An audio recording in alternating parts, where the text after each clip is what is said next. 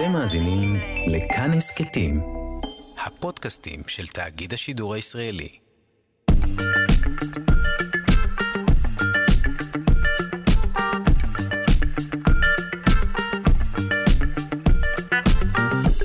שלושה שיודעים.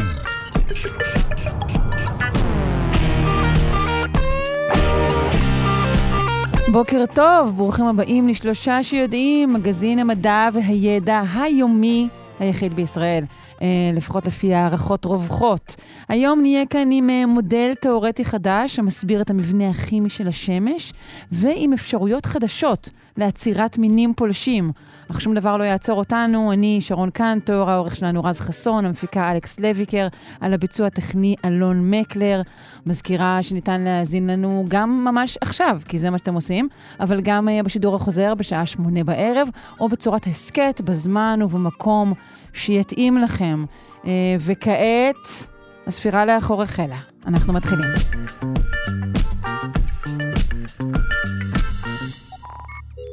דמיינו שמי שמדברת אליכם כרגע זו לא אני, אלא הקול שלי, שסונטז בהצלחה על ידי בינה מלאכותית, הוא מנהל כאן את השיחה הזו בהצלחה, אולי אפילו בהצלחה גדולה מזו שלי. זה בסך הכל פיתוח לא רע, כי אולי הוא יאפשר לי להקיץ בשעות יותר מאוחרות, אבל מה יהיה אם הפיתוח הזה יופעל בעצם אה, על קולות של אנשים שכבר מתו? כן, רובוט מוות. יכול לדבר בשבילך גם אחרי שאתה מת. ומעניין מה הוא יגיד סוף סוף לאשתך, למשל. אה, נפנה לדוקטור רועי צזנה, חוקר במרכז בלווטניק באוניברסיטת תל אביב ועתידן בחברת ספארק ביונד לבינה מלאכותית. בוקר טוב. בוקר מצוין. שמחים שאתה איתנו. בהנחה שזה אתה, בהנחה שזה, שזה אני, בדיוק. אה, הנה, חשבנו על זה ביחד. Uh, כן, כן, ככה אולי הבינות שלנו פשוט תוכנתו באופן דומה. אז בעצם מהי הטכנולוגיה הזו? אמ, תראי, קודם כל, בואי נתחיל בזה שהיא כבר קיימת. כן, היא קיימת. כבר קורה.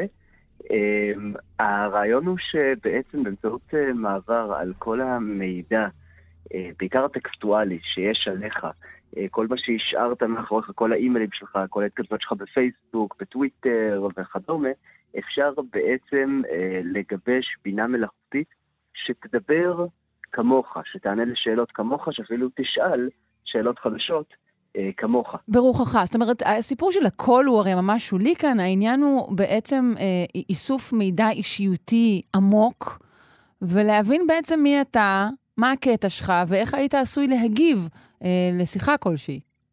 בדיוק. בעצם ליצור סוג של כפיל דיגיטלי שלך, שלאחרים יהיה קשה לדעת שהוא לא אתה. שיחה אגבית או אפילו שיחה עמוקה יותר איתך. כן, זאת תהיה דרך טובה לבחון מי קשוב לניואנסים שלך באמת.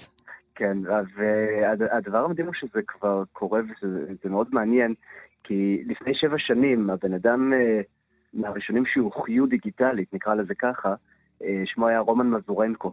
אה, הוא מת בתאונת דרכים, והחברה שלו, יזמית בתחום בינה מלאכותית, היא ניסתה להחזיר אותו לחיים בצורה הזו, עם רשת עצבים מלאכותית, בינה מלאכותית, שהומנה על 8,000 שורות טקסט מכל המכתבים ומכל ההתכתבויות שהיו לו. אה, וב-2016 רומן מזורנקו הדיגיטלי אה, עלה לחיים, כל מי שרצה לדבר איתו היה יכול לעשות את זה. אה, והדבר המעניין זה שבאמת הוא חזר על דפוסי השיחה שהיו לו עם, עם החברים שלהם. הוא היה מאוד, הוא היה מאוד קצת, אה, בוא נאמר את האמת, הוא היה מלנכולי, הוא, הוא אמר ששאלו אותו אם הנשמה קיימת, והוא עונה רק עצב. אבל... כלומר, לא, כן. לא עלתה זו גרסה אה, משופרת, מטופלת, לא למד שום דבר. תשמעי, מצד שני, אה, אם היית היית רוצה שיחליף אותך בגרסה משופרת אחרי המוות, טוב, זו שאלה קצת פילוסופית, אבל אפילו אימא שלו למדה על, על, הבן, על הבן שלה כתוצאה מהשיחות האלה אחרי המוות. היא אמרה בעצמה שהיו הרבה דברים שלא ידעתי על הילד שלי, עכשיו שאני יכולה להבין מה הוא חשב על נושאים, אני מכירה אותו טוב יותר. Mm. ובעקבות האפיזודה המוזרה הזאת, באמת אותה חברה שפתחה את הבינה המלאכותית יצרה את אה, אפליקציית הרפליקה, שאתם יכולים להשתמש בה כבר היום, כדי ליצור אבטרים שלומדים אתכם מדברים איתכם ו, אה, והופכים להיות יותר ויותר אה, דומים לכם. אפשר למצוא ברדיט כל, כל מיני תיעודים של אנשים שמנסים באמת ללמד את האבטרים לענות כמו, ה, למשל, קרובי משפחה שלהם שנפטרו ומתרגשים מהדמיון. Hmm. כאילו, בשמיעה הראשונה זה מקריפ, בסדר? זאת, נכון? כן. וזה מעלה הרבה מאוד שאלות. זה מעלה שאלה, קודם כל, באמת לגבי תפיסת הסופיות שלנו. אנחנו כולנו מעוצבים על ידי הידיעה הזאת שכל העסק הזה עומד להיגמר. אז אולי לא בדיוק. אבל אני שואלת את עצמי, אחרי שאני כאילו מסיימת uh, להתקרפ, מה ההבדל בעצם בין זה לבין כל מיני פרקטיקות אחרות של, של, של אבל שקיימות מזה מאות שנים? אולי זה לא מאוד מאוד שונה. אמ, אז תראי, בסופו של דבר, אנחנו יצורים ביולוגיים, ואנחנו מושפעים מדברים קטנים ושוליים לכאורה. כלומר, את רוצה להשפיע עליי חזק, תני לי תמונה ולא טקסט. את רוצה להשפיע עליי יותר חזק, תני לי וידאו ולא תמונה. Mm-hmm. וגם היכולת לדבר עם בן אדם, אה, או לדבר עם ישות, אה, זה נותן לנו הרגשה יותר חזקה שיש מישהו אה, בצד השני. והתקווה שלי ששחזורים כאלו, שנותנים תחושה של אינטראקטיביות, שיש מישהו שם, זה יוכל לעזור לאנשים להיפרד מאהובי ליבם, במיוחד במקרים שבהם המוות הגיע מאוד מהר, בלי הכנה, תאונת דרכים, חס וחלילה. אמרת יוכל לעזור להיפרד, אבל זה יוכל גם לעזור לא להיפרד. כלומר, זה נכון. יכול לאפשר לך בעצם לשרות כל הזמן בתחושה שהאדם הזה לא הלך. בהחלט כן, ובאמת באחד הפרקים הזכורים של מראה שחורה, האלמנה נותרה בסוג של לימבו, באמצע שום מקום עם שכפול של בעלה המנוח, כי הוא מצד אחד, זה לא היה הוא באמת, ומצד שני זה היה מספיק טוב כדי שהיא לא תהיה מוכנה להתמודד עם האבן. טכנולוגיה היא תמיד אה, חרב פיפיות, וצריך להבין איפה זה, איך, איך באמת אה, לעזור לאנשים עם הטכנולוגיה הזו ולהימנע מהפגיעה בהם. כן, אבל כאילו השאלה היא מה זה נורא משנה. אתה מבין? זאת אומרת, אם, אוקיי, היא הייתה, נגיד, עם בעלה, לא ראיתי את הפרק הזה ספציפית, אבל נגיד היא הייתה עם בעלה המת לכאורה, וחייה נגיד היו טובים יותר, או אולי מלאים כפי שהיו, אוקיי. איפה, כן, איפה פה, בוא ננסה לזקק את הבעיה. תראי, זו כבר שאלה פילוסופית, אבל לטעמי, אם, אה, אם זה עושה לה הרגשה טובה, זה לא פוגע בחיים החברתיים שלה, זה לא פוגע, והיא מרוצה מהעניין, אז הכל בסדר, ברמת האינדיבידואל. מצד שני, צריך להסתכל גם על הרמה החברתית. אמ, ואנחנו, אני, אני חייב לומר שידידי עורך דין רועי קידר ואנוכי, אנחנו כתבנו פרק שלם על הנושא הזה מבחינה אתית ומשפטית כבר לפני mm. כמה שנים טובות, mm-hmm. ודיברנו על, על תרחיש שבו אישה מותירה מאחורי הצבעה חיה, שאומרת לעורכי הדין שלה איך להשתמש בעיזבון. וברגע ש... והצבעה הזו ממשיכה לקרוא חדשות כל יום ולקבל החלטות חדשות שהיא מעבירה לעורכי הדין.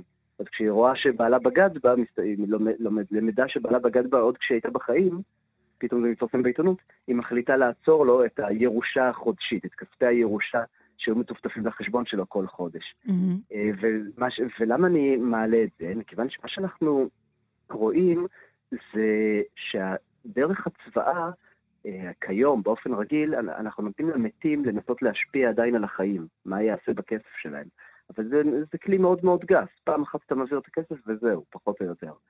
אה, מה קורה כשאתה יכול בעצם, באמצעות בינה מלאכותית שנשארת אחריך, אתה יכול להחליט שרק אם הילדים שלך ממשיכים להצביע על הימין או לשמאל, אתה, אתה ממשיך לתת להם את הכסף. רק עוד הם נשארים במסגרת הדת, אתה ממשיך להעביר להם כספים. רק עוד הם לא יצאו מהארון, כן יצאו מהארון.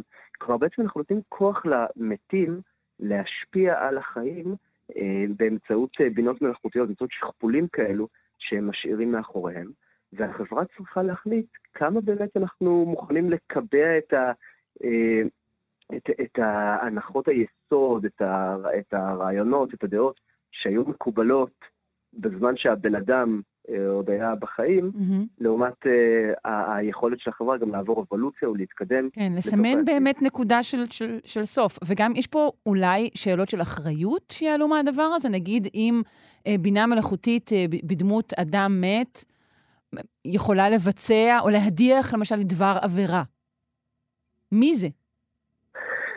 זאת שאלה מצוינת, ואף אחד uh, לא יודע בדיוק מה מה התשובה לשאלות, לשאלה הזאת. ובסופו של דבר, כמובן זו בינה מלאכותית, אבל עכשיו השאלה הנשאלת היא מי אחראי על הבינה המלאכותית הזו? האם. זו החברה שמתחזקת אותה? האם זה שנותרמה אליה מידע? יש בעיות, אגב, מאוד מאוד מעניינות, למשל, של פריצות סייבר מסוג חדש שנקראות הרעלת מידע. כלומר, אם הבינה המלאכותית לומדת מהמידע שמזרימים לה, הרי שבאמצעות הרעלת המידע, באמצעות הזרמת ידיעות כוזבות, אתה יכול לתת לבינה מלאכותית לגרום לה לקבל החלטות שונות ממה שהיא הייתה אה, אמורה לקבל באופן אה, רגיל. Mm. אז כשדיברנו על הצבאה החיה שאותה אישה השאירה מאחוריה, והחליטה להפסיק לתת לבעלה את, ה, את הכסף החודשי, אה, זה היה בגלל ידיעה שהיא קראה בעיתונות. אבל אם זה יהיה, אבל אם יזרימו לה כמובן ידיעה כוזבת, אז אפשר לגרום לה לקבל אה, החלטות שונות מאוד. מעניין. אה, וש, ודבר אחד לגבי האחריות, וזה גם נושא שהוא מאוד uh, משפטי, מה עם הדאטה בעצם? כלומר, מאיפה מגיע המידע? האם אפשר להשתמש במידע שלי אחרי המוות כדי ליצור רפליקה, ליצור שכפול שלי, mm-hmm. בלי שאני אהיה בכלל... בלי שתהיה מעורב בכל העסק הזה בעצם. או מה זה?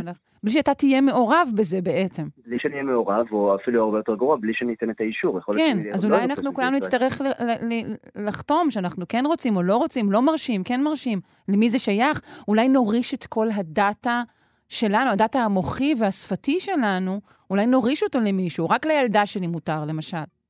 למשל, או שאנחנו בכלל לא רוצים, אבל מצד שני, קפקא הגדיר בצבא שלו שהוא רוצה שיצטרפו את כל הספרים שלו, לא שרפו, בגדו בצבא שלו, וכתוצאה נכון. מזה יש לנו עכשיו את כל הספרים, אה, יש לנו היום כתבים אה, יפים שלו, שלא היינו אמורים לראות. אוהבי קפקא המושבעים לא נוגעים בכתבים האלה. טוב, זה כבר עניין אחר. אבל אה, תראי, לגבי באמת הדאטה של הדאמת, אני חייב להגיד לך, אני בספארק ביונד, אנחנו עוברים על האינטרנט ומקבצים מידע עם בינה מלאכותית, ניסיתי לעשות את זה, וגיליתי שיש חוקים מסוימים לגבי השימוש במידע של אדם לאחר המוות, אבל הם מאוד מאוד שונים ממדינה למדינה. באיחוד האירופי, שזה אמור להיות הבסיס של הגנת אה, הפרטיות וכולי, אה, באיחוד האירופי באופן כללי, חוקי פרטיות המידע מגינים רק על האנשים החיים. אה, ובמדינות מסוימות כמו בריטניה, זה פשוט לא, לא, לא קיים, והמשמעות היא שאפשר באופן עקרוני לקחת את המידע שאתה משאיר מאחוריך, ולהשתמש בו כדי ליצור uh, כפיל שלך. כן, בישראל יש כמובן, גדולות, בישראל יש, אתה יודע, יש גם, יש גם שימוש בזרע של מתים, שזה uh, נכון, חתיכת שימוש נכון. במידע גנטי. Uh, נכון, וזה, אושר, ויש בזה הרבה סוגיות אתיות בעייתיות, ויש בזה גם, יש הצדקה. כמו, כמו תמיד, אין שום דבר שהוא חד משמעי. מה שכן, אני כן אתן אולי הרגעה, החברות הגדולות, כמו גוגל, פייסבוק, יאו, מגינות על הפרטיות שלנו דווקא אחרי המוות, והן מאפשרות uh, לפעמים למשתמשים לבחור מה יקרה לאחר המוות אל המידע שלהם, ולפעמים ההגנות האלו שהן כל כך חזקות, שאפילו קרובי המשפחה שלנו לא יכולים לקבל גישה לאימיילים או להתכתבות הפרטיות שלנו uh, לאחר uh, המוות. זה עדיין אבל מדיניות פעולה של חברות ולא חוקים, ואם המדינה ממש רוצה להחיות אותך, אז לא נעים לי לומר, אבל היא תיצור שכפול שלכם בלי יותר מדי בעיה, בהתבסס על המידע שהיא יכולה לגרוס מהאינטרנט באופן חוקי לגמרי. טוב, אה, נפקח עין, עד שלא נוכל לפקוח אותה יותר כמובן. דוקטור רועי צזנה, חוקר המרכז בלווטניק באוניברסיטת תל אביב, עתידן בחברת ספארק ביונד לבינה מלאכותית. אני מודה לך מאוד, בוקר טוב. תודה רבה, בוקר ביי. טוב ושנשאר בחיים.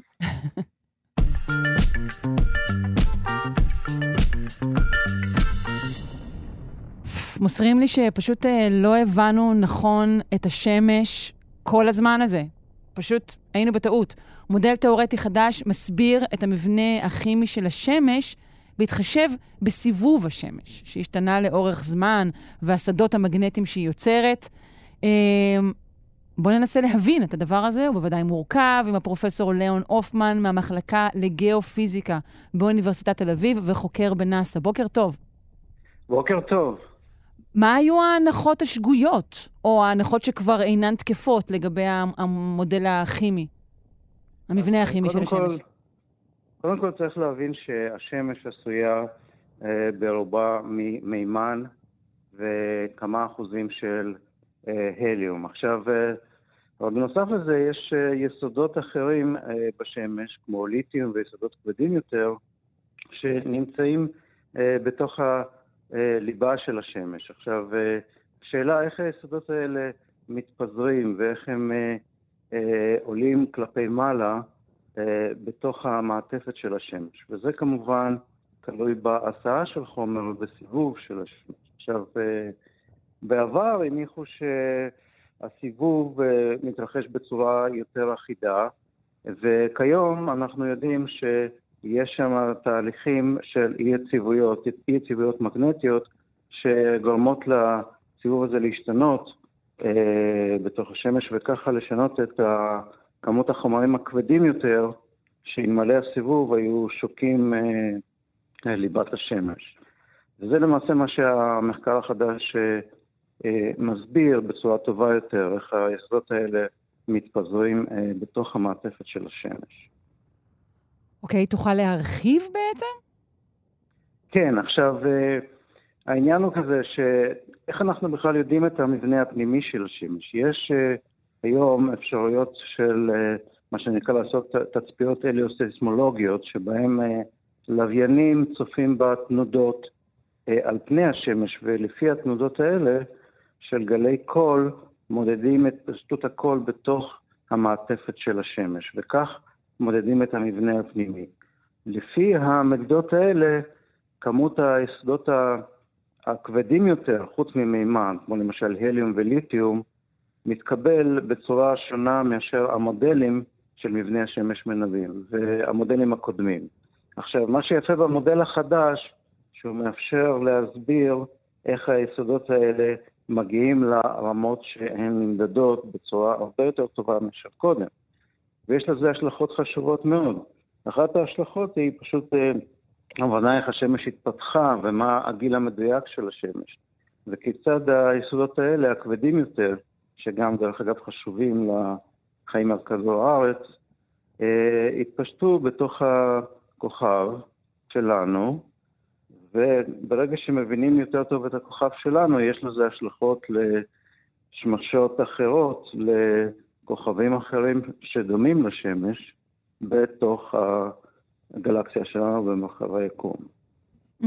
האם המחקר החדש, המודל החדש, בעצם עונה על, על, על כל השאלות שלנו עד עכשיו? או שעדיין יש בו חוסרים? עדיין כמובן יש חוסרים. יש uh, אומרת, הוא הרבה יותר טוב ממה שהיה קודם, זאת אומרת, קצת אה, חיזוי כמות ההליום במעטפת החיצונית והליתיום, אבל עדיין אה, יש אה, הבדלים בין מה שאנחנו רואים בתצפיות. אבל המודל משפר בצורה טובה יותר, זאת אומרת, הוא משפר את מה שאנחנו מודדים כיום בעזרת הכנסת האי-יציבויות ההידרומגנטיות לתוך החישוב של הסיבוב. אוקיי, okay, אז בעצם כל הגלקסיה שלנו מושפעת אה, מה, מהגילויים האלו. כלומר, ממה שהם אומרים. זאת אומרת, ההבנה של, כוכ... אה, של כוכבים אחרים בגלקסיה שלנו, שדומים לשמש, מושפעת מהגילויים. למשל, הדרך לחשב את, ה... את הגיל של איזשהו כוכב אחר, או השמש עצמה, הגיל המדויק נעשה בעזרת מדידות של ההתפשטות של היסודות הכבדים אה, בתוך ה... אה, ליבה של השמש. וברגע שיש לנו עדכון של החישוב הזה, אז אנחנו צריכים לעדכן למעשה את החישובים לא רק לגבי השמש, אלא לגבי uh, כוכבים אחרים בגלקסיה שלנו, ובכל מקום אחר שיש תצפיות. עכשיו, uh, כמובן שזה גם קשור למציאת פלנטות אחרות עם אפשרויות של uh, חיים עליהן, זאת אומרת, אם אנחנו מסתכלים על מערכת כזאת במקום אחר ביקום, אז הגיל של אותו כוכב חשוב, זאת אומרת, מבחינה הזאת, האם היה מספיק זמן לחיים למשל להתפתח באותו כוכב לכת, שזקוק לקרינה קבועה מכוכב דמוי שמש במקום אחר בגלקסיה שלנו. Mm, הבנתי. מ- מידיעת הגיל אנחנו יכולים בעצם להבין מה קורה בגלקסיות אחרות גם, והאם יש בכלל אפשרות של... Uh... של חיים שם, כן? בכוכבים אחרים. זאת אומרת, העדכון הזה הוא חשוב, זאת אומרת, הוא מאפשר לנו לחשב בצורה הרבה יותר מדויקת את ההתפתחות של אה, כוכבים דמויי אה, השמש שלנו, ובכך אה, להבין יותר טוב באיזה כוכבים אחרים יכולים להתפתח חיים למשל. טוב, בשורה של ממש. אני מודה לך מאוד, פרופ' ליאון הופמן, מהמחלקה לגיאופיזיקה באוניברסיטת תל אביב, וחוקר בנאסא. תודה. בשמחה, בוקר, בוקר טוב. תודה.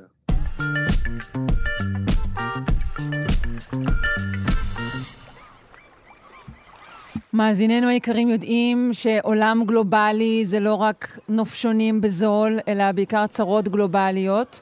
למשל, אה, מינים פולשים שמתנהגים כטרמפיסטים, עומדים שם בטרמפיאדה באוקיינוס האטלנטי, תופסים איזו אונייה ומגיעים אה, מי יודע לאיפה.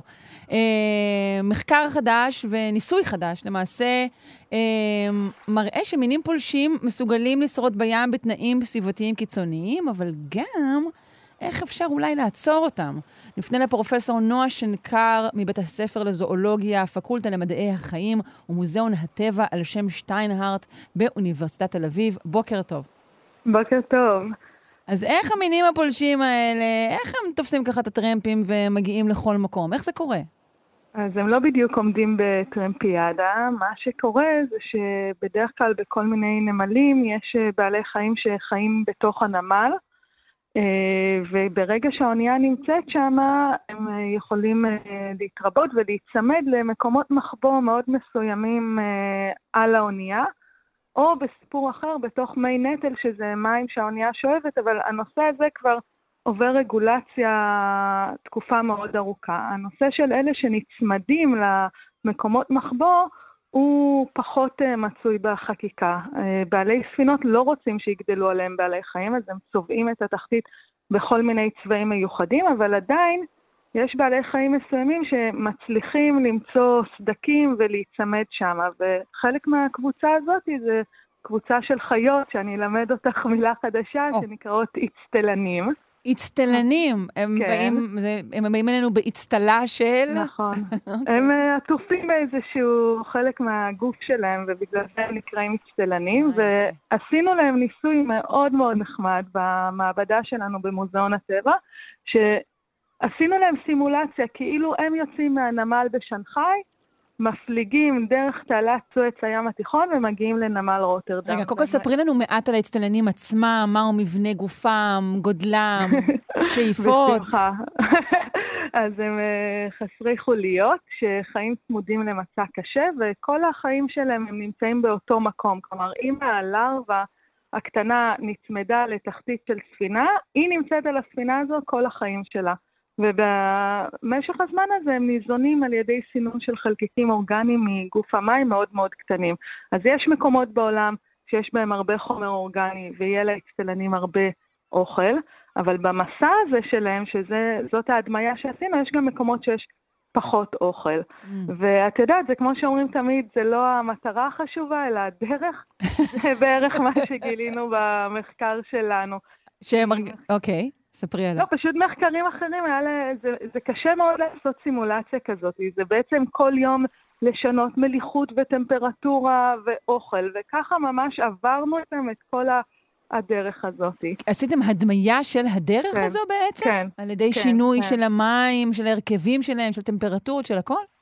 כן, בעצם אה, מי שעשה את זה כחלק מעבודת המאסטר שלו זה דורון ברזה, שהוא ישב על מסד נתונים של אה, עשרות ספינות, גם אה, ספינות מכולה מאוד מאוד גדולות, שהן באורך של כמעט 400 מטרים, והמסלול שלהם הוא שונה, כי לא כל כך הרבה נמלים יכולים שהם יתכנסו אליהם, וגם ספינות קטנות יותר שהן עדיין גדולות, אבל המסלול שלהם הוא אחר. ואז אחרי שהבנו מה הדרך שהם עוברים, לקחנו את החיות מהמים, דגמנו אותם מאורך אה, חופי ישראל, יש לנו כל מיני אתרי מחקר פה לאורך החוף, הבאנו אותם למעבדה, ואחרי תקופה קצרה של אקלימציה אמרנו, אוקיי, עכשיו אתם כאילו יוצאים מנמל שנגחאי, ובואו נראה מה קורה. וגילינו שני דברים שממש אה, אותי מאוד הפתיעו. אחד, זה שיש אה, פרטים ששרדו שהם, תחשבי שמנמל שנגחאי לנמל אה, בים הצפוני ברוטרדם, דרך תעלת סואץ, דרך הים התיכון, זה המון המון תנאים משתנים. לא, זה דבר שאני לא הייתי שורדת. כן, זה מאוד מאוד קשה, וכל כך נקשרנו אליהם, התחלנו כבר לתת להם שמות לאלה שנשארו עד שנגמר הניסוי. והדבר השני... אצטלן מחמד, כן, אוקיי. הדבר השני זה שכן היו נמלים בדרך, וזה באמת משהו שרעיון מאוד חשוב למחשבה ורגולציה, כן היו נמלים בדרך שהשילוב תנאים בהם הרג כמעט את כולם. וזה אומר שאפשר אולי בתכנון אה, נכון להסתכל על המקומות האלה כמחסום, שיגרום לכך שמינים שהצליחו להיצמד לספינות לא יעברו הלאה ויתפשטו ברחבי העולם. לדוגמה, יש נמל במלזיה שיש בו מליחות נמוכה, אבל הטמפרטורה מאוד גבוהה ויש שם הרבה אוכל, והשילוב הזה אה, הרג את אחד המינים כמעט אה, לגמרי. ובמקום אחר, אה, מין שהוא ממוצא אטלנטי, להם היה מאוד קשה בנמל, במקומות שדימו את הנמלים של ערב הסעודית, עם הטמפרטורות הגבוהות והמליחויות הגבוהות. אז מה שאנחנו הצענו זה שאפשר להשתמש בנמלים כאלה מרכזיים בתור אה, מחסום. אה, מחסום שפשוט הספינה כשהיא נמצאת שם, כמעט כל החיות שנמצאות עליה, אם זה למספיק זמן, הם לא ישרדו את התנאים האלה. Mm. תראה, אנחנו בטח לא רוצים לשנות אה, מליחות או טמפרטורה של נמל שלם, כי זה בטח יזיק לעוד הרבה לא, יצורים, לא וישבש... לא, אני יודעת, זה קורה באופן טבעי, אני הבנתי, רק אני מנסה לחשוב על איך אפשר להפוך את הדבר הזה למשהו יותר סיסטמטי, ואני שואלת אותך, האם נגיד ניתן להעביר את, ה, את הספינות האלו, גדולות ככל שיהיו, דרך נגיד אזורים סגורים ומתוחמים, בהם יהיו תנאים כאלו שבסוף של דבר יחסלו את כל המינים הפולשים? אז אה, היו את ההצעות האלה בעבר, אבל המינים האלה הם לא פראיירים, הם יכולים לשרוד... Uh, אפילו אה, כמעט יום בתנאים מאוד מאוד אה, קשים. זה היה בהתחלה, כשפתחו את תעלת סואץ, אמרו, לא, הם לא ישרדו כי המליחויות שם מאוד גבוהות, התנאים שם קשים, לא יצליחו לעבור. אבל את רואה עובדה שלאורך החוף שלנו יש כבר מאות מינים פולשים, שהמקור שלהם זה דרך מעבר בתעלת סואץ. סליחה, אז התכנון הוא צריך להיות, הוא חכם, זה לא רק המקום, זה גם כמה זמן שהייה שמה, ומה בדיוק קורה. וצריך כאן עוד, עוד מחקר.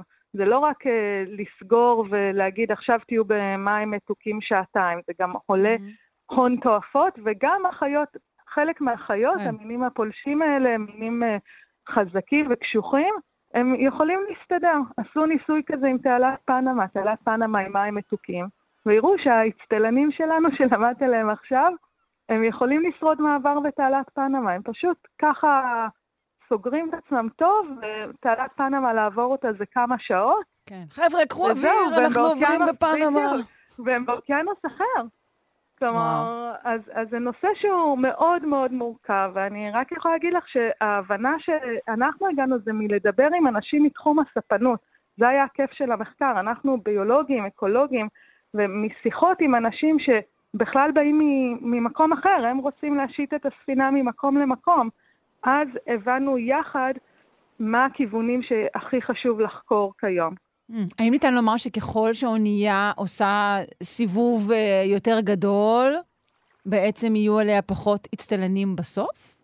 או שלא, לא. באים החבר'ה האחרים באמצע? לא, לא, לא, זה כי עוברת, דינמי. כי לכאורה עוברת, עוברת יותר, את יודעת, יותר אזורי אקלים. נכון, יותר... היא עוברת יותר אה, אזורים אקו-ריג'נס, אה, שהתנאים כן. שבהם שונים, וזה נכון ההנחה שלך שזה צריך להיות ככה מישהו מיוחד שיכול לשרוד בהכל, אבל ב, ב, במבחן התוצאה, תמיד אנחנו רואים עדיין יש איזה מישהו שמצליח, אבל זה לא אומר שאין מה לעשות, גם יש את ה... צבעים שצובעים את האוניות שאפשר להשקיע ולפתח טכנולוגיות שיצמצמו את ההיצמדות שלהם מלכתחילה. גם בנמלים עצמם אפשר לעשות אה, ניקיונות ורוטינות שיפחיתו את הכמות בתוך הנמל. אה, וגם אפשר להבין יותר טוב מה קורה לבעלי חיים האלה, ואם נבין יותר טוב מה קורה להם בדרך, יכול להיות שחלק מהפתרונות זה בכלל לטפל בהם בדרך, לא. לא בנמלים עצמם. כן, או שבסוף נמצא מה לעשות איתם, נגיד, להפיק מהם חשמל או סלט, או משהו. זה, זה גם סוג של פתרונות. מנסים את זה, כן. נכון, נכון מאוד. פרופסור נועה שנקר, אני מודה לך מאוד, אה, לך ולחברייך האצטלנים. תודה רבה. אה, נזכיר שאת מבית הספר לזואולוגיה, פקולטה למדעי החיים ומוזיאון הטבע על שם שטיינהארט באוניברסיטת תל אביב. בוקר טוב. להתראות. אנחנו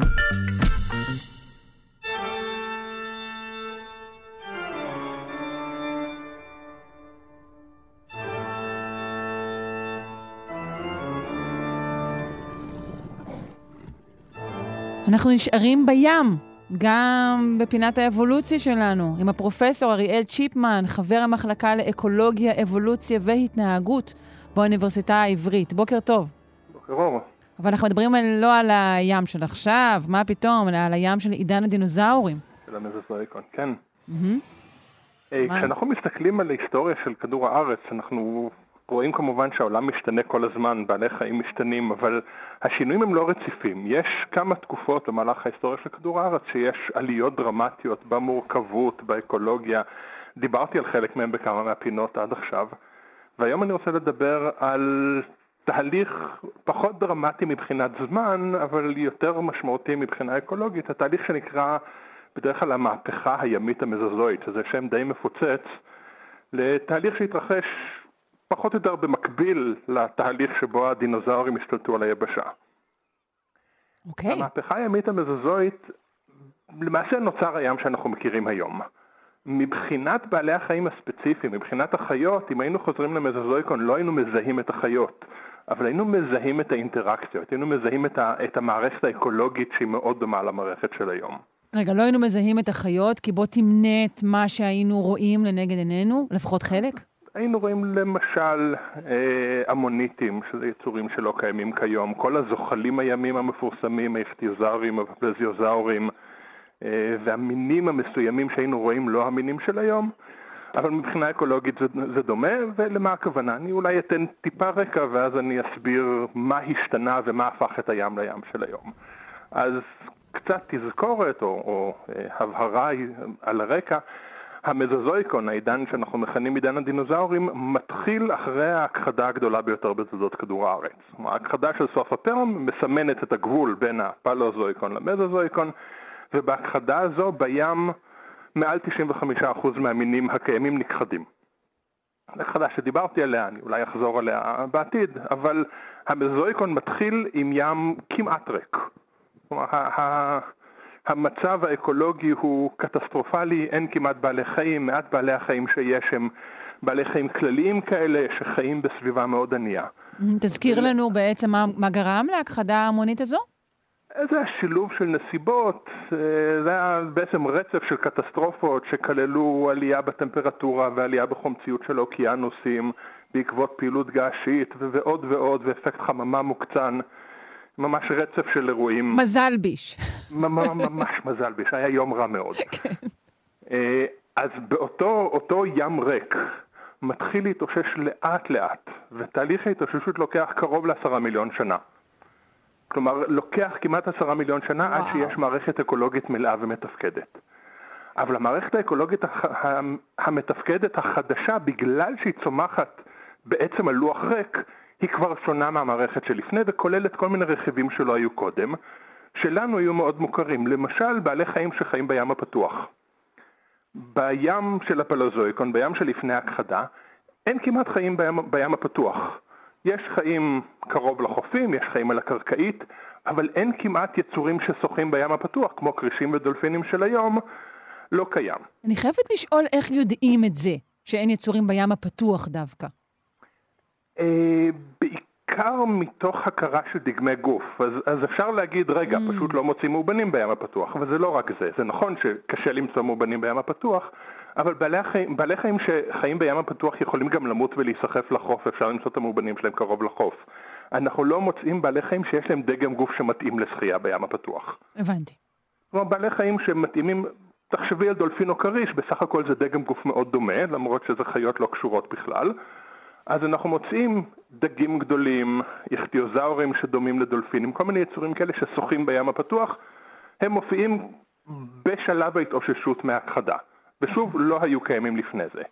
אז חלק מהמהפכה הימית המזוזואית זה הפתיחה של הים הפתוח לחיים, בעצם הים הפתוח הופך להיות דומה למשהו היום. עוד קבוצה של בעלי חיים שלא היו קיימים כמעט קודם ומופיעים, זה בעלי חיים שמתמחים באכילה של בעלי חיים קשים. כלומר בעלי חיים שמתמחים בפיצוח קונכיות, בפיצוח חלזונות, וזה למשל כל הסרטנים ומצוותות. Mm, אוקיי. Mm, okay. זו קבוצה מאוד גדולה ומגוונת של בעלי חיים, שמופיעה כחלק מהמהפכה הזו, ולא היו קיימים קודם. אנחנו מסתכלים על אבותיהם של הסרטנים, זה לא יצורים עם צוותות. הם אכלו רק רכיכות לפני זה? הרכיכות אגב זה מי שיש לו את הקונכיות. אז הם אכלו דברים בלי קונכיות. אוקיי. אה, ובעצם זה רק, רק צוותות זה מה שמבדיל, או שמגלים גם שיניים חדשות? אז, אז יש את הסרטנים, יש דגים שמתמחים בפיצוח קונכיות, דגים עם שיניים שהן לא חדות אלא שטוחות, mm. שזה התמחות לפיצוח קונכיות. כוכבי ים, שזו קבוצה של בעלי חיים שמתמחים באכילת צדפות. גם כן הופכים להיות דומיננטים. עכשיו, כמו תמיד באבולוציה, כשמופיע מישהו שמתמחה באכילה של מישהו אחר, אז מישהו אחר מפתח הגנות, ואז אנחנו מוצאים במקביל עלייה מאוד דרמטית במגוון ובמורכבות של כל בעלי החיים המשוריינים, כל אלה שיש להם קונכיות ושריונים וכולי. אז גם התהליך הזה, מאבק הכוח הזה הוא גם כן חלק מהמהפכה המזוזואית. והרכיב השלישי, מאחרי חיים בים הפתוח ו- ובעלי חיים שמתמחים באכילת חיות קשות, זה בעלי חיים שמתחפרים, שחיים בתוך החול. גם כן צורת חיים שכמעט לא הייתה קיימת לפני והופכת להיות מאוד דומיננטית, וביניהם, בין השאר, כל הקבוצה של הצדפות למיניהם, שבעברית כולם נקראים צדפות, אבל ברוב השפות האחרות יש שם נפרד, ואויסטרס וקלאמס וכולי, לכל קבוצה שם יש שם אחר. אז כל המגוון הזה גם כן מופיע כחלק מהמהפכה. זה העולם שאנחנו מכירים, זה הים שאנחנו מכירים. Mm-hmm, שהוא דומה, דומה כבר מאוד לזה ש, של היום. נכון, עכשיו המינים הספציפיים, אם נלך ונבדוק האם מין של צדפה שחי לפני 100 מיליון שנה הוא אותו מין שחי כיום, לא, זה לא אותו מין. אבל מבחינת הסביבה האקולוגית, צורת החיים, העולם כעולם, האינטראקציות והמבנה של הים דומה לים של היום.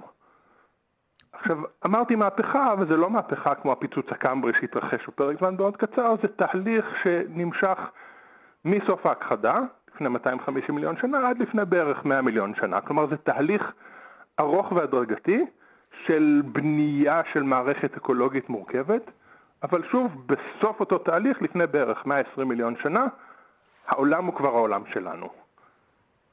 לפני ההכחדה הזו, אנחנו למדים שהים היה ככלל ריק יותר? הים הפתוח היה ריק יותר. והים הקרוב? לא? הים הקרוב היו, לא היה ריק. אוקיי, היו, היו אותו מספר מה... של מינים, אותה צפיפות פחות או יותר, או שזה היה שונה מאוד? שונה לא מאוד, היה שונה. לא היו, אז כל הקבוצות של סרטנים וחיות מתחפרות לא היו, או היו הרבה פחות. אה, שוניות אלמוגים אגב, היו קיימות אבל די שונה. האלמוגים המודרניים, מה שאנחנו מכירים כאלמוגים כיום, זו גם קבוצה שהופיעה במהלך המזוזואיקון. לפני זה היו קבוצות אחרות שהן דמויות אלמוגים, אבל זה לא היה, לא היה אותם, אותה קבוצה של יצורים. Mm-hmm. כלומר, כל האלמוגים המסועפים כן. שאנחנו מכירים כיום, לא היו קיימים לפני המזוזואיקון, הם גם כן חלק מאותה מהפכה ימית. אז אנחנו למדים שבעצם הים של עידן הדינוזאורים, כמו שאמרת, הוא, הוא די דומה, כלומר, הרבה מאוד מבעלי החיים בעצם מלווים אותנו עד היום בווריאציות אחרות. נכון. Uh, והם לא נכחדו ולא נעלמו. עכשיו, כן הייתה הכחדה, הכחדה שהכחידה את הדינוזאורים. הכחידה כן. גם בים, 아, אוקיי. אבל היא לא הייתה הכחדה דרמטית כל כך כמו הכחדה של סוף הפרם. ולכן אחרי ההכחדה, התאוששות מההכחדה הייתה בעצם more of the same, אותו, לא בדיוק אותם מינים, אבל אותה מערכת אקולוגית. ולכן למרות ההכחדה של סוף עידן הדינוזאורים, הים לא השתנה באופן דרמטי. הייתה תחלופה של מינים, אבל המבנה האקולוגי, האינטראקציות, סוגי, טיפוסי בעלי החיים שהיו, נשארו אותו הדבר, ולכן זה, זה נשאר מוכר. Mm. אוקיי, mm. okay. זה, זה אופטימי? אה, נקודה מעניינת. אחרי הכחדות אנחנו רואים, כבר דיברתי על זה כבר כמה פעמים, היו כמה וכמה הכחדות בהיסטוריה של כדור הארץ. חלק מהן הובילו לשינוי דרמטי של כל המערכת האקולוגית, כמו ההכחדה של סוף הפרם, וחלק היו הכחדות גדולות, ואחרי ההכחדה הכל חזר למה שהוא היה קודם. אז אם זה אופטימי או לא, תלוי בנקודת המבט, כן. והאם תהיה לנו עוד הכחדה באלפי השנים הקרובות ומה יהיה אחרי, קצת קשה לנבא, אבל הסיכוי שיחזור להיות משהו דומה למה שהיה קודם קיים. אה, נקרא לזה, נקרא לזה אופטימי. כן. פרופסור אריאל צ'יפמן, חבר המחלקה לאקולוגיה, אבולוציה והתנהגות באוניברסיטה העברית, תודה רבה. להתראות. ביי.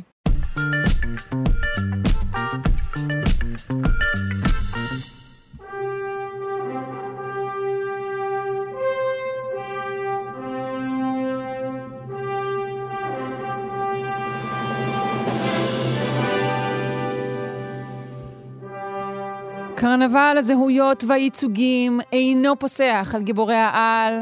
נשוחח עם אורי פינק, איש הקומיקס של ישראל ויושב ראש איגוד הקריקטוריסטים הישראלי, על uh, גיבורת העל המוסלמית uh, של מארוול. היי, בוקר טוב. היי, בוקר טוב, שרון, בוקר טוב. הכל סבבה, הכל סבבה. Uh, לא מדובר ב- ב- ב- בעצם במשהו חדש מבחינת הקומיקס, אלא מבחינת הייצוג הטלוויזיוני, נכון? כן, בהחלט, בהחלט. הגיבורה הזאת קוראים לה מיס מארוול. מיס מארוול זה בעצם אה, שם כבר שרץ די הרבה זמן במארוול, כבר בשנות ה-70 אה, המאוחרות, יש דמות שקוראים לה מיס מארוול, אבל תמיד היא הייתה, זאת אומרת, זו הייתה איזו בחורה לבנה, נחמדה, רגילה, כן, בסך הכל זה היה ניסיון של מארוול, מארוול יש להם בעיה, הם נורא חזקים בייצוג, באמת, תמיד היו בשורה הראשונה, היה הגיבור השחור הראשון, הגיבור האסייתי הראשון, הכל היה, מה, ש, מה שתמיד היה להם חסר זה אישה. כן? תמיד היה ל-DC, החברה המתחרה, יש להם את סופרמן, בטמן ווונדר וומן, כן? אז תמיד אצלהם יש אישה ממש ב, בשלישייה הפותחת, כמו שקוראים, ואצל מרוויל לא היה, זה ניסו מיס מרוויל. לא כל כך תפס. כל הזמן השם הזה... זה נשמע קצת, אה, קצת חנני, לא? מיס מרוויל. לא, נשמע, לא נשמע כמו וונדר וומן, נכון, בוא. נכון, וואלה, צודקת. וואלה, צודקת, באמת, זה שם נוראי, האמת, זה שם ממש לא מוצלח. אבל אה, זהו, השם הזה עבר בין כל מיני דמויות. אז יום אחד מיס מרוויל, היא החליטה שנמאס לה, הדמות הזאת, והיא החליטה להיות קפטן מרוויל, כן? אז זה גם סרט, זה הסרט הקודם שהיה במרוויל, שאני לא יודע, לא יודע אם את אה, חובבת הסרטים, אבל היה סרט שלה, כן, אה, בחורה נחמדה, קרול דנברס, כן, הייתה סרט משלה. עכשיו, השם מיס מרוויל נשאר מיותם, ואז אימצה אותו איזה, כן, בקומיקס איזו ילדה נחמדה בשם קמאלה קאן, שהיא בסך הכל ילדונת, אז היא בת 15-16, כמו בגיל שספיידרמן היה כשהוא התחיל את דרכו, אה, וילדה נחמדה מניו ג'רסי, שהיא במקרה, במקרה מוסלמית, כן, היא, אה, ההורים שלה מפקיסטן, וזהו, בקומיקס היא מין סוג של מוטציה כזאת, לא, לא, לא, לא אלאה אותה, מאזיננו האומללים, בכל מיני, אה, כן, כל מיני שטויות של קומיקס, איך בדיוק קיבלה את הכוחות שלה, מה שאני יודע שזה לא מה שקורה בסדרה, בסדרה היא כנראה מקבלת את הכוחות שלה בדרך אחרת, היא לא, אין, זה, יש איזוש, איזושהי שיטה אחרת שהיא מקבלת את הכוחות שלה, אבל מה שבאמת מיוחד זה באמת, אה, דבר ראשון, הבנתי שזו סדרה מאוד מוצלחת דרך אגב, אה, ויותר נחמד שהיא כזאת אה, בחורה, כן, היא ילדה במאה ה-21 שמחפשת את עצמה. יש לה הורים שמרנים קצת יותר מהרגיל, זאת אומרת, זה העניין בגלל שהם מוסלמים, אז קצת קשה להם עם זה, שהיא גיבורת על, והיא גם מדי פעם מתייעצת עם האימאם שלה, כל מיני דברים כאלה ש... בסדרה שלא עצמה? אוקיי. כן, כן, בסדרה עצמה כנראה. זה לא שגיבורים נוצרים התייעצו עם הכומר שלהם לפני זה. את צודקת לחלוטין. כלומר, זה הרבה יותר נוכח? הדת שלה היא דבר שנוכח יותר. תראה, אני לא ראיתי את הסדרה עדיין. אני יודע שבקומיקס הם מנסים, נורא, נורא חשוב להם. זאת אומרת, הקטע הוא שהגברת שיצרה את הדמות הספציפית הזאת, אה, היא כל הזמן אמרה שהיא רוצה לראות את עצמה בקומיקס. זאת אומרת, זה הרעיון, כי גיבורי על הרי כל המטרה שלהם כאילו להוציא מאיתנו את הטוב ביותר, כן? שנראה את, את עצמנו בשיאנו בתור גיבור על, אז היא רצתה להראות את עצמה. עכשיו, אני קצת מתעצבן על זה, כי אני אומר, רבאק, אנחנו, אנחנו היהודים, אנחנו המצאנו את כל גיבורי העל. זאת אומרת, אנחנו פספסנו את ההזדמנות הזאת. זאת אומרת, שאנחנו התחלנו, יצרנו את כל הדמויות האלה. אה, כן, יצרנו את קפטן אמריקה, ואת סופרמן, ואת בטמן, ואת כולם, ולא טרחנו לעשות את זה. כן, לא חשבנו לא על מה יצליח, לא חשבנו לייצג את עצמנו. בדיוק, נכון, זהו, בדיוק, חשבנו, זהו, צריכים לעשות קומיקס, צריכים לבדר את הקהל, לא צריכים פה לעשות כל מיני פוליטיקה וכאלה. אבל במקרה הזה הבנתי שדווקא יצא לא רע. האמת, הסדרה הזאת מקבלת תגובות מאוד מאוד חיוביות, גם הטריילרים נראים חמודים מאוד, והשחקנית אה, מאוד כריזמטית, כאילו מאוד מאוד אה, חמודה, אז אה, נקבל את זה. הבנתי שגם הבמאים הם מוסלמים. אה, וואלה, כן? כן, כן, קראתי שמדובר בארבעה במאים מוסלמים. מצד אחד יופי, תמיד יופי, איזה כיף, יש כל מיני סוגים של אנשים. מצד שני, תמיד יש איזשהו חוסר נוחות מהמנגנון שמביא לבחירות האלו, גם בגלל שלא בטוח שהמנגנון הזה, מה שהוא רוצה זה באמת להביא diversity, אלא באמת, אם זו רוח השעה וזה מה שיביא את הכסף והביקורות, אז נעשה את זה. זה בראש ובראשונה מייצר חוסר נוחות. וגם פרידה מהאשליה ש... תרבות נעשית באופן, נכון, שהוא זורם ואורגני, ולא מתוך כן. תכנון כזה. נכון, נכון, אבל uh, אני, אני עדיין, זאת אומרת, uh, uh, זו, השאלה באמת, את, את, את רומזת שאולי הביקורות הטובות שאני קורא בעצם מין ככה... מה, לא, יכתבו שזה גרוע, עם גיבורת על מוסלמית. לא, זה אישה. זה גרוע. זה לא טוב. נראה לך שמישהו יכתוב דבר כזה? אה, ויש יש בזה משהו, אבל לא יודע, נקווה לטוב, נקווה לטוב. אני, אני שמח, לא, אני, אני שמח לשמוע את העמדה הזאת ממך, כאילו, זה, זה לא עמדה כל כך נפוצה, אבל בסדר, לא, זה סבבה, אני... אני דווקא, כן. כן, יש את התופעה הזאת, בייחוד במרוויל, האמת, מרוויל מאוד מאוד מאוד מאוד הולכים עם הקטע הזה של הייצוג, דיסי פחות, דיסי דווקא הם יותר ככה הולכים אולד סקול, אבל תראי, האמת שזה היה נורא מביך, יש להם טראומה למרוויל, היה בשנות ה-70, הם יצרו המון גיבורי עליה, אמרתי לך, את הפנתר השחור, את... כן. לוק קייג' וכל אלה שנכתבו על ידי סופרים לבנים, יהודים ברוב המקרים. וזה לפעמים יצא די מביך, כי זה נראה, די... היום, זה. אולי בכלל לא היה מותר להם, כי צריך לא, להביא את הבן אדם שיודע את המלאכה, יודע את החיים של כן, כן. הגיבורים. כן. אז זהו, אז כנראה שהם אולי מנסים לפצות על זה קצת, על, על, על התקופה הזאת. כי באמת מרוויל בשנות ה-70 זה אחד הדברים, אתה מסתכל על הקומיקס האלה, את מכירה את הסרטים האלה, מה שקוראים blaxploitation שהיו כן, פעם? כן, בטח. Shaft וכל אלה, אז ככה זה נראה בקומיקס. וואו, מביך. כן, אה, טוב, אז נחכה לראות את אה, מיס מרוויל, ואז אנחנו נגיד כאן את דעתנו הכנה, כי כאלה אנחנו. נכון, בהחלט. בהחלט. אורי פינק, איש הקומיקס של ישראל, יושב ראש איגוד הקריקטוריסטים הישראלי, אני מודה לך, בוקר טוב. היי, בכיף, יאללה, ביי ביי. ביי.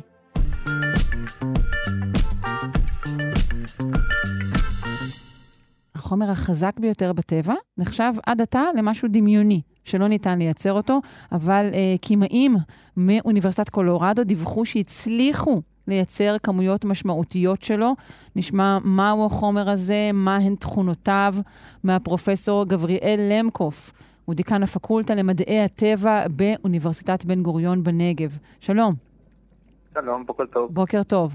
אז מהו החומר הזה? אוקיי, קודם כל לגבי המאמר, אה, יש שני דברים שהם מדהימים לגבי המאמר הזה. אחד זה מה הם עשו, כמו שאמרת, החומר הזה, הגרפים, כן? אבל איך הם עשו אותו, זה, זה לא פחות מדהים, כן? אז זה קודם כל, גרפין, שזה חומר אה, חדש, הוא דומה לגרפן, זה אומר חומר שהוא דו, אה, דו-מימדי, שכבה אחת, הוא, הוא, הוא דומה לו, והוא אלוטרופ, כן? צורה של אה, פחמן. Mm-hmm. אנחנו מכירים כמה אלוטרופים של, של פחמן, כמו אה, יהלום למשל, אה, וגרפית. אז אה, אה, כבר נתנו כמה פרסי נובל על אלוטרופים של פחמן, הראשון היה פרס נובל לכימיה ב-96 על הבאקיבולס, צורות הפחמן בצורת כדורגל. זה כן. עוד אחד מהדברים שאני מאוד אוהב. אה, והפרס נובל לכימיה ב-2010 היה על גרפן. גרפן וגרפין הם מאוד דומים, לא רק בשם, גם כן. בתכונות שלהם. החזק אה, מבין השניים הוא? כן, אז אה, אני צריך קצת לעשות שיעור קצר בכימיה כדי להבין את זה. אני חושבת שמאזיננו ישמחו לשיעור קצר בכימיה. אוקיי, אז ככה, לפחמן יש, הוא יכול לעשות ארבעה קשרים. יש לו ארבע אלקטרונים בשכבת הערכיות שלו, הוא יכול לעשות ארבעה קשרים. זה מה שהופך את פחמן ליסוד כל כך מיוחד. הוא יכול לשתף את האלקטרונים שלו עם יסודות אחר, אחר, אחרים, או גם עם עצמו. כן? ואז הוא עושה קשרים כימיים. כל קשר כימי זה בעצם שני אלקטרונים. ויש שני סוגים של קשרים כימיים. יש קשרי סיגמה, איפה שהצפיפות האלקטרונית היא בעצם מתרכזת בין הגרעינים של האטומים. כן? זה בעצם מה שגורם לאטומים לרצות להיות ביחד, זה שיש אה, צפיפות אלקטרונית מאוד גבוהה ביניהם. ויש קשרי פאי, איפה שהצפיפות האלקטרונית היא במישור מעל ומתחת לגרעינים. הקשרי סיגמה הם נוצרים כאשר אנחנו מחברים אורביטלים מסוימים, אני מצטער על המילים, כן? שהאורביטלים האלו, ב, נגיד ביהלום למשל, הם נוצרים על ידי אה, מיזוג של אורביטל 1S שיש בפחמן עם שלושת אורביטלי ה-P שלו. אז אנחנו קוראים להם SP3, אולי. קראתם את זה. כן. אז יש ארבע אורביטלים SP3 בצורה של טטראדר, הם סימטריים, ככה אנחנו יוצרים יהלום. עכשיו, למשל, אה, גרפית או גרפין, אנחנו עושים על ידי היברידיזציה שנקראת SP2. SP2 זה אומר שיש לנו אורביטל אחד S ושני אורביטל P שעושים מיזוג, עושים היברידיזציה, לקבלת שלושה אורביטלים שהם 120 מעלות אחד מהשני במישור אחד. זה נותן לנו קשרי סיגמה, הקשרים האלו, איפה שהאלקטרונים הם בין הגרעינים, על המישור. אבל mm-hmm. אז וזה כבר חומרים, חז... זה כבר חומר חזק. כן, כן, זה חומר, כן. יהלום הוא חומר כן. מאוד מאוד חזק, mm-hmm. עובדה שאנחנו משתמשים בו. כן. כן. זה בגלל היציבות שלו, של, של הצורת הגביש שנוצרת, כן, הצורה הגביש של היהלום. הגרפית, יש לו את, ה, את האורביטל ה-P, שנותן לנו אלקטרונים באורביטלי פאי. כן, האלקטרונים האלו, הם יכולים להיות מוליכים. זה נותן לנו תכונות חדשות. Uh, כאשר יש לנו אלקטרונים באורביטלי פאי, שהם צמודים אחד לשני, אנחנו יכולים לקבל חומרים מוליכים. כל התחום של פולימרים מוליכים, כל דבר שהוא לא מתכת ומוליך, בעצם יש אלקטרוני פאי. אז אלקטרונים פאי האלה מאוד חשובים.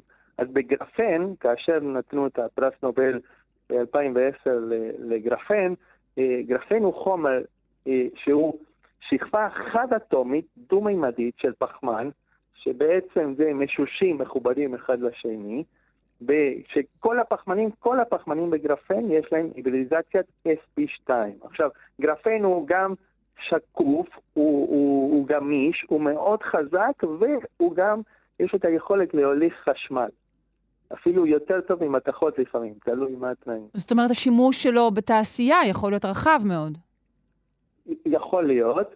עכשיו, גרפין, מה קורה? אנחנו עדיין לא mm-hmm. יודעים. זו פעם ראשונה שהצליחו לעשות אותו בצורה כל כך טובה. את הגרפין. וגר... גרפין, גרפין, נכון? כן, כן. החדש. החדש, כן. גרפין, עכשיו, שהוא כתוב גרפין, עם Y, כך נבדיל כן, אותו. Mm-hmm. נכון, כן. אה, באנגלית גרפיין. גרפיין. בעברית, אז אמרנו, יהלום זה, זה, זה אלוטרופ של, של פחמן שיש לו רק sp3, גרפן או גרפית יש לו sp2 רק, זה שכבות, כן, שמחוברות על ידי אחד על, על, על השנייה, אה, ובאמצע יש את האלקטרוני הפאי. בגרפין יש לו תערובת של sp2 ו-sp. sp זה אומר שיש לי שני אורביטלי p ריק, ועכשיו הצפיפות האלקטרונית הוא לא מעל ומתחת למישור באורביטלי הפאי, אלא הכל מסביב. הכל mm. מסביב יש לנו, וזה נותן תכונות אלקטרוניות אחרות לגמרי, כן? גם מוליכות, אבל יש גם אפשרות לכוון את, את האפקטים האלקטרוניים, מה שבגרפן לא היה לנו. הבנתי. בגרפין, עכשיו אנחנו יכולים לשלוט על המוליכות. אז בעצם, אם את רוצה לדעת את התכונות, אנחנו עדיין לא יודעים אותם, כי רק עכשיו הם הצליחו לקבל את החומר. יש כל מיני... אבל הוא כן נחשב להבטחה גדולה, החומר הזה. נכון. בונים עליו הרים וגבוהות. כן.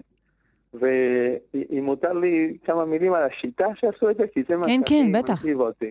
אז השיטה שעשו את החומר, אה, למה האחרים לפני לא הצליחו להכין את החומר הזה גרפים? כי הם תמיד עשו קשרים לא הפיכים.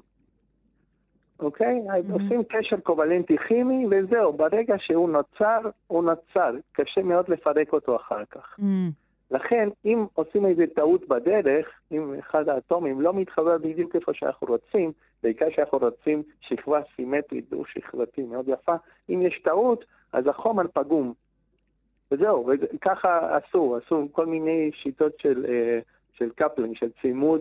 בין, בין החומרים ש, שלא יצא. אבל למרות הכישלון, כל הזמן ידעו שהחומר הזה הוא, הוא, הוא אפשרי. הוא שזה, יכול להיות, כן. הוא יכול כן, להיות, תאורטית כל כן. הזמן ידעו שאפשר אבל, ליצור אבל אותו. אבל כמוהו, כן, כמוהו יש הרבה אנשים שחושבים על כל מיני חומרים, כן, שיכולים להיות מאוד יפים, ואנחנו עוד לא עשינו אותם. יש לנו עדיין הרבה מאוד, אנחנו צריכים הרבה מאוד כימאים חדשים בעולם שהצליחו לעשות את הדברים שאנחנו עוד לא, לא הצלחנו. כן? אוקיי. Okay.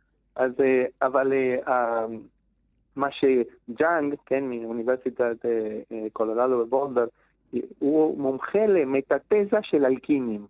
הוא יודע איך לקחת את הפחמנים האלו שמחוברים דרך הקשר המשולש, בהיבריזציית SP עכשיו, כן? ולהחליף את הצדדים שלהם. אז הוא יודע להחליף ביניהם. והוא עושה את זה בצורה דינמית, הפיכה. השיטה הזו של מה שאנחנו בכימיה קוראים, קוראים Dynamic Combinatorial Chemistry, כן? כימיה קומבינטורית דינמית. אנחנו יכולים להחליף כל הזמן, ואז המערכות הולכות מטבעם לצורה הכי יציבה. הם מת... ממשיכים אה, להגיב, אוקיי. עד שהם מגיעים, מגיעים למינימום אנרגיה. כן? על ידי השיטה הזו... כלומר, אה, השאיפה של המערכות היא תמיד לעשות את זה במינימום אנרגיה ולהגיע לכמה שיותר יציבות. כן, כן, אוקיי. אבל אם, אם, אתה, אם אנחנו עושים קשר שהוא בלתי הפיך, אני לא מגיע למינימום אנרגיה, אני Mm. נשאר תקוע באיזה מינימום מקומי. אבל אם אני יכול לעשות כימיה הפיכה, שכל הזמן מתקנת את עצמה, אני כן יכול להגיע למבנה הרצוי, אם זה מה שאני רוצה, כן, להגיע למינימום אנרגיה.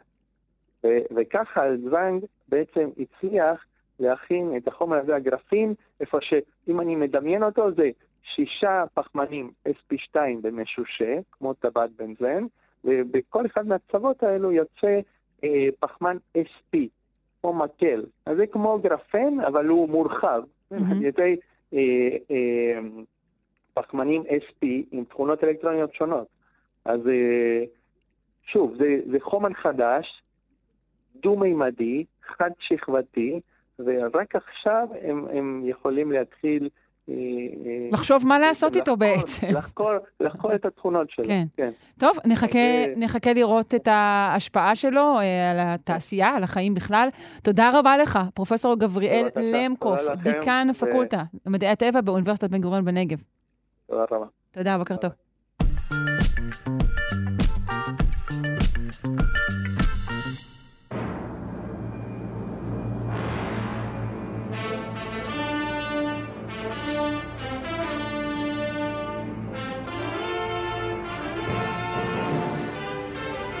פינת התנ"ך שלנו לא מפחדת משאלות קשות, והיום נשוחח על אחת השאלות הנפיצות, האם דוד ויהונתן קיימו מערכת יחסים רומנטית? דוקטור אילן אבקסיס, שדרן ההסכת דברי הימים על המקרא והמזרח הקדום, מצאו אותו גם ב-ilanabc.co.il. בוקר טוב. בוקר טוב למאזינים ולך שרון, מה שלומך? אני בסדר, איך אתה? אני מצוין מצוין, והיום אכן נדון בשאלה אם דוד ויונתן קיימו מערכת, מערכת יחסים רומנטית. עכשיו, הרעיון, מאיפה בכלל בא הרעיון הזה? הרעיון שדוד ויונתן הייתה להם מערכת יחסים רומנטית מתבסס על הבנה אה, של הפסוק, לד... לטעמי הבנה לקויה. הפסוק, הפסוק המפורסם מקינת דוד, כתוב, צר לי עליך אחי יונתן, נעמת לי מאוד, נפלאת אהבתך לי מאהבת נשים. אז כיוון שברור מהי אהבת אישה, אז מפה עולה לכאורה כי מדובר ביחסים רומנטיים. נכון, עכשיו, אבל אפשר הזה- להגיד גם, וואי, אני אוהב אה, בחורות, אבל בסך הכל במ- לא, אבל- במסיבת רווקים יותר נהניתי, למשל, למרות אה, שהייתי עם החבר'ה שלי. נכון, נכון, אבל זה לא, לא רק הפסוק הזה, יש פה עוד כמה, הרעיון הזה קיבל גם חיזוק מכמה פסוקים נוספים בתנ"ך.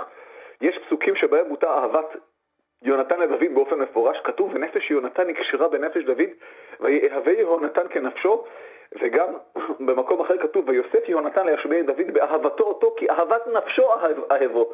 עכשיו, אלה הפסוקים האלה נוספו בעוד פסוקים מספר משירת אהבה בשיר השירים, אה, כתוב על משכבי בלילות ביקשתי שאהבה נפשי, וכן הגידה לי שאהבה נפשי, רואים אהבת נפש, אה, ועוד פסוקים מפסוקים שונים. עכשיו, בשיר השירים דובר על אהבה ממשית בין גבר לאישה. עכשיו, נכון, יש כאלה אה, שרואים בשיר השירים את השירה האלגורית ליחסי הקדוש ברוך הוא בכנסת ישראל, אבל זה פירוש שבעצם נועד לאפשר את הכנסת הספר הסופר פופולרי, שיר השירים על כתבי הקודש, ואנחנו נתייחס אליו כפשוטו.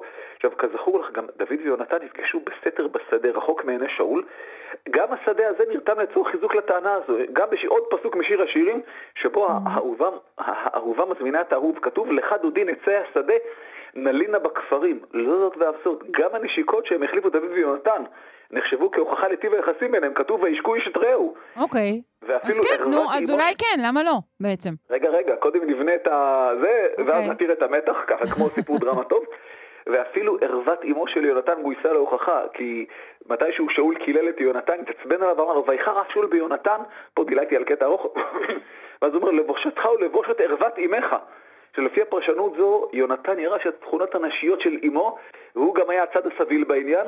עכשיו, וגם מקורות חוץ מקראיים הובאו כחיזוק יחסיהם הרומנטיים לכאורה של גילגמש ואין קידום מעליות גילגמש נרתמו לעניין.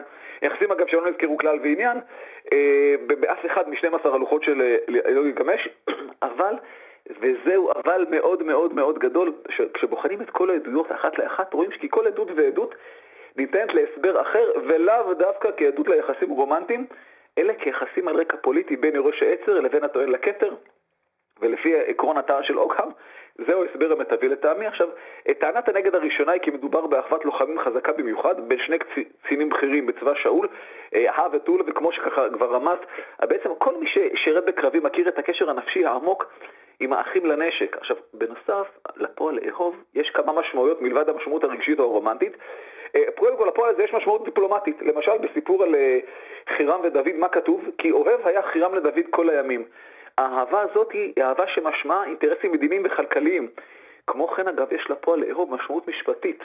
בברית בין אדון לבסל, על הווסל, על הכפוף, לבצע פעולות המוכיחות כי הוא אוהב את אדונו, גם אם בליבו הוא שונא אותו. כך, אנחנו יודעים למשל בחוזים של מלכי אשור עם הווסלים שלהם, יש כל הזמן, הווסל צריך לאהוב את האדון, וגם הקטע המפורסם מספר דברים, שמע ישראל אדוני אלוהינו אדוני אחד, ואהבת את אדוני אלוהיך בכל לבבך ובכל נפשך ובכל מאודיך. כלומר, יש פה איזה סוג של התחייבות משפטית בין הווסל, שזה עם ישראל, לבין אדוני. אפשר גם לאהוב אותו, אבל זה, זה לא, לא חובה, או לאהוב במובן הרגשי.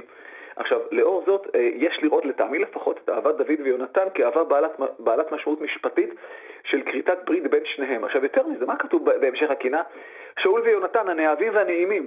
והנה יש לנו פה אהבת אב ובנו. עכשיו, האם אפשר לפרש את אהבת אב ובנו הזו כיחסים רומנטיים בין, דוד, בין שאול ליונתן? בריש גלי, זה, בוא. זה, זה מופרך בר... והזוי ברמות על לדעתי. וחוץ מזה, המילה שדה, את זוכרת שהם הלכו לשדה בשיר השירים? היא אכן מוקפת בביטויים כפולי משמעות בעלי הקשר רומנטי ברור, כרם, גן, מעיין, אבל המילה שדה בספר שמואל מתארת אך ורק שטח קרקע מתחום, מחוץ לתחום היישוב. עכשיו, ובנוגע לערוות אמו של יונתן, לטעמי מדובר בלא יותר מאשר ניבול פה של שאול בעידנא דריתחא. באמת לא הייתי מתרגש מזה, אגב, זאת ועוד, בקינת דוד, מה נכתב? קשת יונתן לא נסוג אחור. הקשת, גם במקרא וגם מחוצה לו, היא סממן גברי ברור. עכשיו, חיזוק, אה, עוד חיזוק לגבריות של יונתן, שהוא גם לא היה הצד הסביל בעניין, יש בעובדה שבכלל היו לו ילדים. אוקיי, עכשיו, גבריות יונתן גם מקשה על הרעיון לפיו יונתן, אמרתי שהוא היה סביל, ועוד, אני אשאל שאלה אחרונה ככה, שרון, מדוע יחשוף דוד קבל עם ועדה את עובדת היותו שותף ליחסים אסורים, יחסים שדינם על פי חוק המקרה ומוות. אבל זהו, אז אני קראתי שאולי בתקופה הפלישתית בכלל היחס היה הרבה יותר סובלני ממה שנדמה לנו, ואני בכלל מציעה אולי פרשנות שלישית, שזה לא היה כל כך דיכוטומי. זאת אומרת, לא. כן, ניהלו יחסים, נשים, היו, הייתה משפחה, היו ילדים, אבל גם הייתה אהבת גברים. ולמה לא? לא, אז א', זה שהיו יחסים רומנטיים בין גברים אנחנו יודעים, כי עובדה שיש חוק שאוסר את זה, אבל במקרה הזה הזכרת את הפלישתים שהם ממוצא יווני, אז בתרבות היוונית זה הרבה יותר מקובל. בתרבות השמית, בתרבות העברית, זה הרבה הרבה פחות מקובל, עד שהמחוקק המקראי ראה צורך להתייחס לנושא ולאסור על זה בגזר דין מוות. כלומר, זה לא מקובל, נקודה סימן קריאה. בעם ישראל זה לא מקובל, זה קיים, אבל זה לא מקובל. בעם ישראל הקדום אני רוצה לומר. עכשיו, אני רוצה רק לומר לך שדוד, הוא, אנחנו מכירים אותו כרודף נשים, אביג, מה שנקרא אביגיל ובת שבע, שתי נשים של מישהו אחר, הן הדוגמאות הכי מפורסמות, והשאלה היא, למה להצהיר על נטייה רומנטית כלפי גבר אחר? מה יצא לו מזה? דוד הוא אדם מאוד מחושב, מאוד מדויק, כל דבר ששימש את מטרתו הפוליטית שהיא להיות מלך ישראל, וזה, הדבר הזה פחות טוב בשבילו. והנה, זה משפט הסיום, שרון. עכשיו, השאלה אם הייתה בין המערכת יחסית רומנטית, אני לא יודע כי לא הייתי שם, אבל מקינת דוד ומשאר הפסוקים שהוצמדו לעניין די בכפייה, יש לומר, לא ניתן ללמוד דבר וחצי דבר על מערכת יחסים רומנטית בין דוד ליונתן. מילה אחרונה שלך, דוקטור אילנה אבקסיס, שדרה להסכת דברי הימים על המקרא והמזרח הקדום. אני מודה לך מאוד, בוקר טוב. בוקר טוב לך ולשאר המאזינים.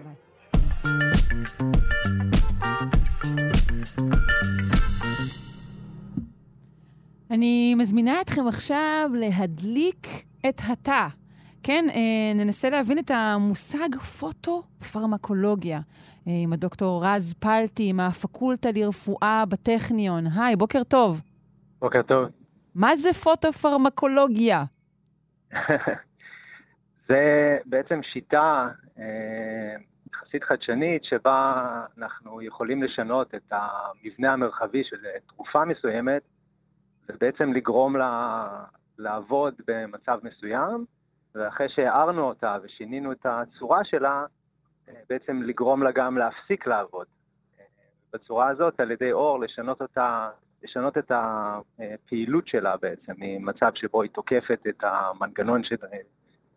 שנגדו היא צריכה לעבוד, ובמצב אחר שהיא בעצם לא נוגעת בו ולא מפריעה לו יותר. אוקיי, okay, עכשיו בואו נעשה אחורה ונדבר בעצם על, על מנגנון בקרה שיש בתא, נכון? לגבי מאגרי סידן, בעצם בזה אתם עוסקים? נכון, נכון, נכון מאוד. בעצם הדרך שבה התאים מתקשרים עם הסביבה שלהם זה על ידי יצירה, אחת מהדרכים המרכזיות בעצם, זה בעצם על ידי יצירה של הבהובים כאלה של סידן, כלומר שינויים בריכוזים של הסידן בתוך התאים שמסמנים לתא מה הוא צריך לעשות.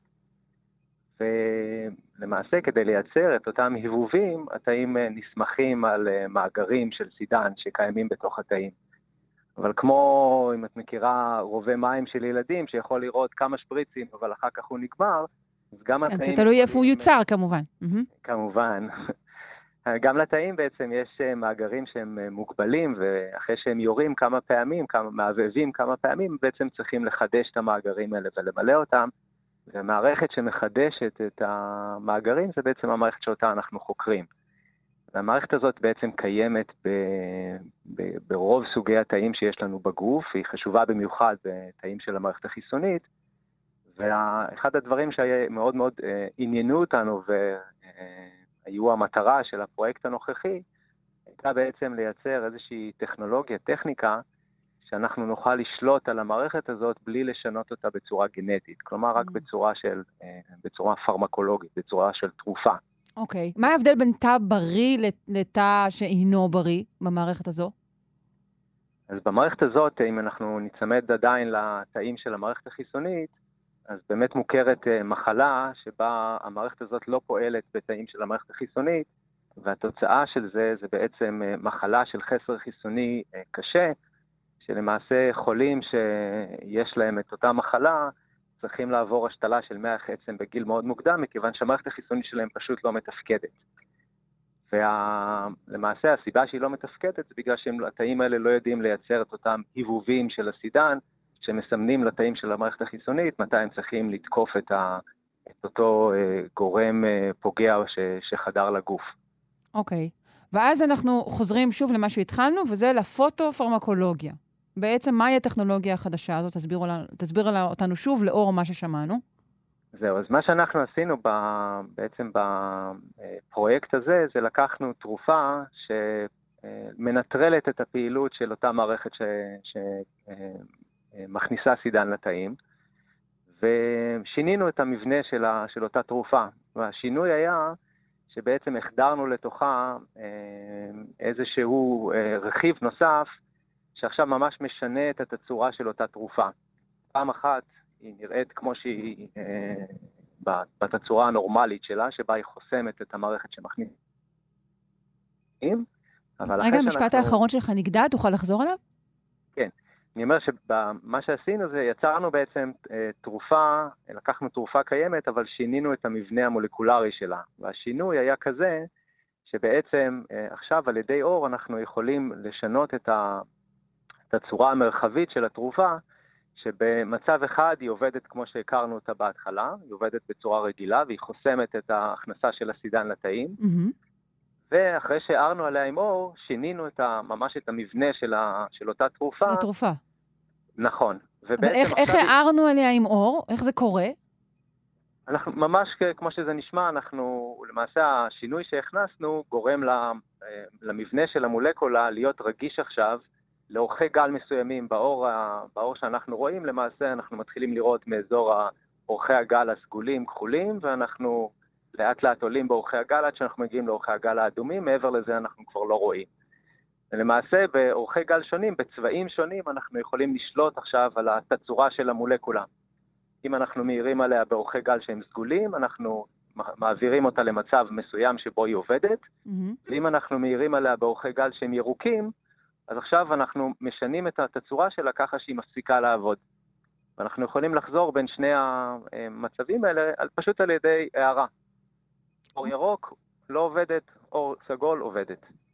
אוקיי, okay, מה אנחנו למדים בעצם, איך אנחנו מבינים טוב יותר את המנגנונים של העברת כאב בגוף שלנו? זהו, זו הייתה ההפתעה. למעשה שאנחנו הכרנו בעיקר את המערכת הזאת, את התפקיד שלה במערכת החיסונית, ו... אבל ידענו שיש איזושהי השפעה של חסמים של המערכת הזאת שמשפיעים גם על העברה של כאב. אבל זה לא היה כל כך ברור לנו איפה הם עובדים ואיך הם עובדים. ובאמת מה שלמדנו בדרך המחקר הזה, זה שאם אנחנו מטפטפים את אותו חומר שיצרנו בעצם, על מקום שבו אנחנו משרים כאב, אז התגובה של הכאב בעצם, של החיה, אה, ממש נפסקת.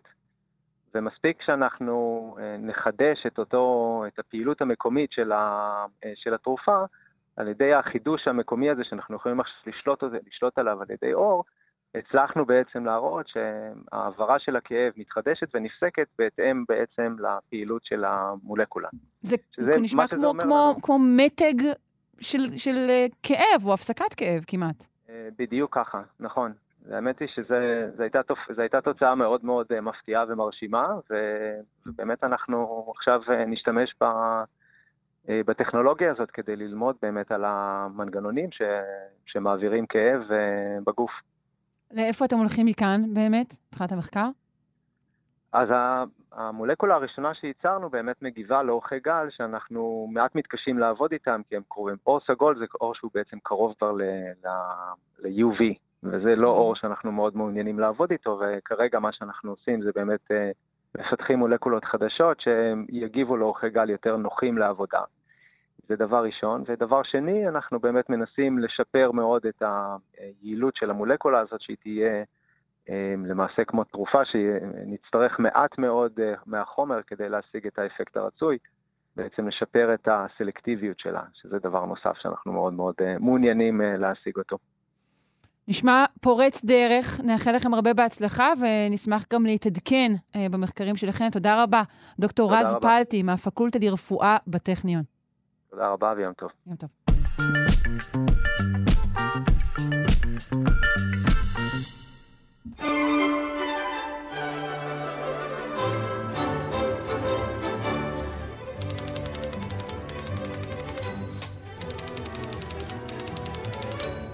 פינת הלשון שלנו, עם הדוקטור סמדר כהן, לשונאית הבית. בוקר טוב. בוקר טוב, שרון, מה שלומך? אחרי חג שמח לך. אחרי חג שמח גם לך. אה, אנחנו רוצים להקדיש את, את הפינה היום אה, למישהו, אחד, נכון? כן.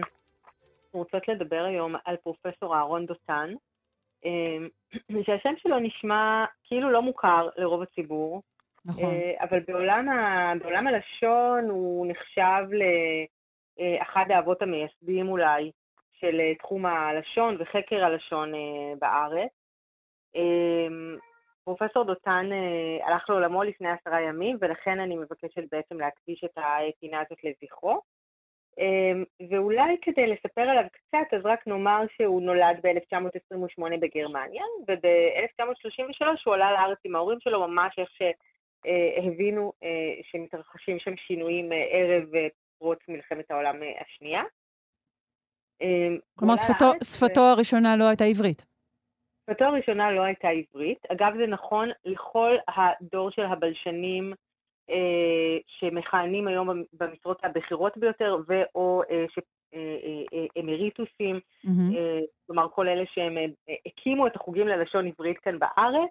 אה, כולל למשל פרופסור אה, משה בר אשר נשיא האקדמיה ללשון, שעלה מהצד השני, אה, ממרוקו, בגיל צעיר מאוד, וגם הוא, עברית לא הייתה שפתו הראשונה. אנחנו עוד לא עושים את ההשלכה, אבל אנחנו יכולים לחשוב שלפעמים מבט מן החוץ, באמת שימוש בשפה שאינה שלך, דווקא תורם למחקר באיזשהו אופן, או להתבוננות שהיא ייחודית. זה נכון מאוד. אמ, וידע של שפה או יכולת, אה, יכולת שפתית ויכולת ניתוח שפה זה משהו שכנראה באמת אה, אמ, הוא טבוע. זאת אומרת, זה משהו שלא דווקא אפשר ללמוד אותו, זה משהו שבאמת אתה יכול, אה, אתה מפתח אותו מתוך שאתה בעל מודעות. אפשר לומר עוד שאת את, את חקר העברית במשך שנים רבות, דווקא בלשנים גרמנים, גרמנים ממש, כלומר לא כאלה שעלו לארץ, אלא גרמנים שחיו בגרמניה ואפילו לא היו יהודים, היו אלה שחקרו את העברית, בעיקר מתוך אה, חקר התנ"ך, כי התנ"ך הוא בעצם אה, אה, כתב הקודש mm-hmm. של, כל, של כל הדתות, ומשם התחילו לחקור את המבנה של העברית, את דקדוק העברית עיצבו בלשנים גרמנים כמו ברקטרס, כמו אחרים, גזנוס ואחרים. אבל אם נחזור רגע לדותן, אז נאמר שדותן באמת, הייחודיות שלו, אולי הדבר המעניין עליו, זה שהוא היה כאן בתקופה שעוד לפני האקדמיה ללשון העברית. הוא כבר היה מזכיר מדעי בוועד הלשון, ועד הלשון זה מה שהקים אה, עוד אליעזר בן יהודה כדי אה, אה, בעצם אה, לחדש מילים וליצור אה, איזושהי אה, יכולת אה, לנהל את העברית כאן אה, בארץ מראשית תחייתה. אה, אבל מה שמעניין עם דותן זה שהוא דווקא ממש סירב לקבל את המונח הזה, תחיית העברית או החייאת העברית, דיברנו על זה הרבה בפינות שלנו, שבשנים האחרונות יותר ויותר יש אה, דיון בשאלה האם באמת הייתה החייאה של העברית, האם העברית הייתה באמת שפה מתה, כמו שנהגנו לומר במשך שנים, או שמא היא הייתה שפה חיה, אבל לא שימשה בדיבור יום-יום. Mm-hmm. ממש דגל והאמין בגישה שהעברית הייתה, אמ, אה, שימשה, היא שימשה שפת תפילה, היא שימשה שפת פיוט, היא שימשה שפה של הספרות אה, אה, בתקופת ההשכלה, היא שימשה שפה של כתיבת שירים אה, במשך כל תקופותיה, אה, אבל היא באמת לא שימשה ללכת למכולת נגיד. אבל נגיד אנשים יהודים בתפוצות כן תקשרו בעברית כזאת או אחרת, או במידה זו או אחרת, במשך כל, חי... במשך כל תקופותיה של העברית, ומבחינת דותן הרעיון היה לא החייאת העברית, אלא החזרת העברית לדיבור פה. אחד התפקידים הציבוריים של דותן, מעבר לעולם האקדמיה ומעבר לעובדה שהוא היה ממקימי החוג ללשון העברית אה, באוניברסיטת תל אביב, שהייתה ביתי במשך שנים רבות, אה, הוא אה, היה יושב ראש ועדת הלשון במועצת רשות השידור. לפני התאגיד הייתה רשות השידור, ברשות השידור הייתה מועצה מפקחת, כמו שיש גם בתאגיד, ובמועצה היו כל מיני ועדות ואחת מהן הייתה ועדת הלשון, אה, אה, פרופסור דותן היה בראשה, ואחד הדברים העיקריים שעשתה הוועדה הזאת זה פיתחה בפועל ממש על הלשון הנוהגת בשידור. ואני יכולה להביא מכלי ראשון שאחד הדברים שבאמת מאוד מאוד כאבו לפרופסור דותן היה הפתיחות, נגיד, בשמירה על הדיוק של הלשון בשידור הציבורי. אוי ואבוי. אני, אני מתנצלת בדיעבד. אה, אני חושבת שעלייך הוא לא היה מלין. היה. אה, מלין גם מלין. אני יכולה לומר שהוא הרבה פעמים אה, קבל על זה שזמרים שרים בעברית לא מדויקת. זכורה לנו היטב, למשל, הסצנה של אראל מויאל, שהוציא בשנת 2007 את השיר "לא מכירים אותך", ואז אה, אה, קיבל הודעה מרשת ג' שלא ישמיעו את השיר כי אומרים מכירים ולא מכירים, ולכן אה, לא, לא, השיר לא יושמע. כן, הוא, הוא גם התנגד ל, ל, לחדירה של, ה, של האנגלית, קרא לזה רסיסי הלעז האנגלי. הוא אמר, נכון, נכון שהעברית צריכה להתמודד, יש לי כאן ציטוט, לא רק עם רסיסי הלעז האנגלי החודרים אליה ומכרסמים בה, אלא עליה לעמוד במתקפה אנגלית חזיתית, גלויה ונמרצת, המאיימת לדחוק את רגליה של העברית כליל. זו איננה בעיה בלשנית או סוציו-לינגוויסטית, אלא עניין אקדמי או פסאודו-אקדמי, היוצר, שימי לב, בעיה תרבותית ולאומית ממדרגה ראשונה. זה מה שהוא אמר.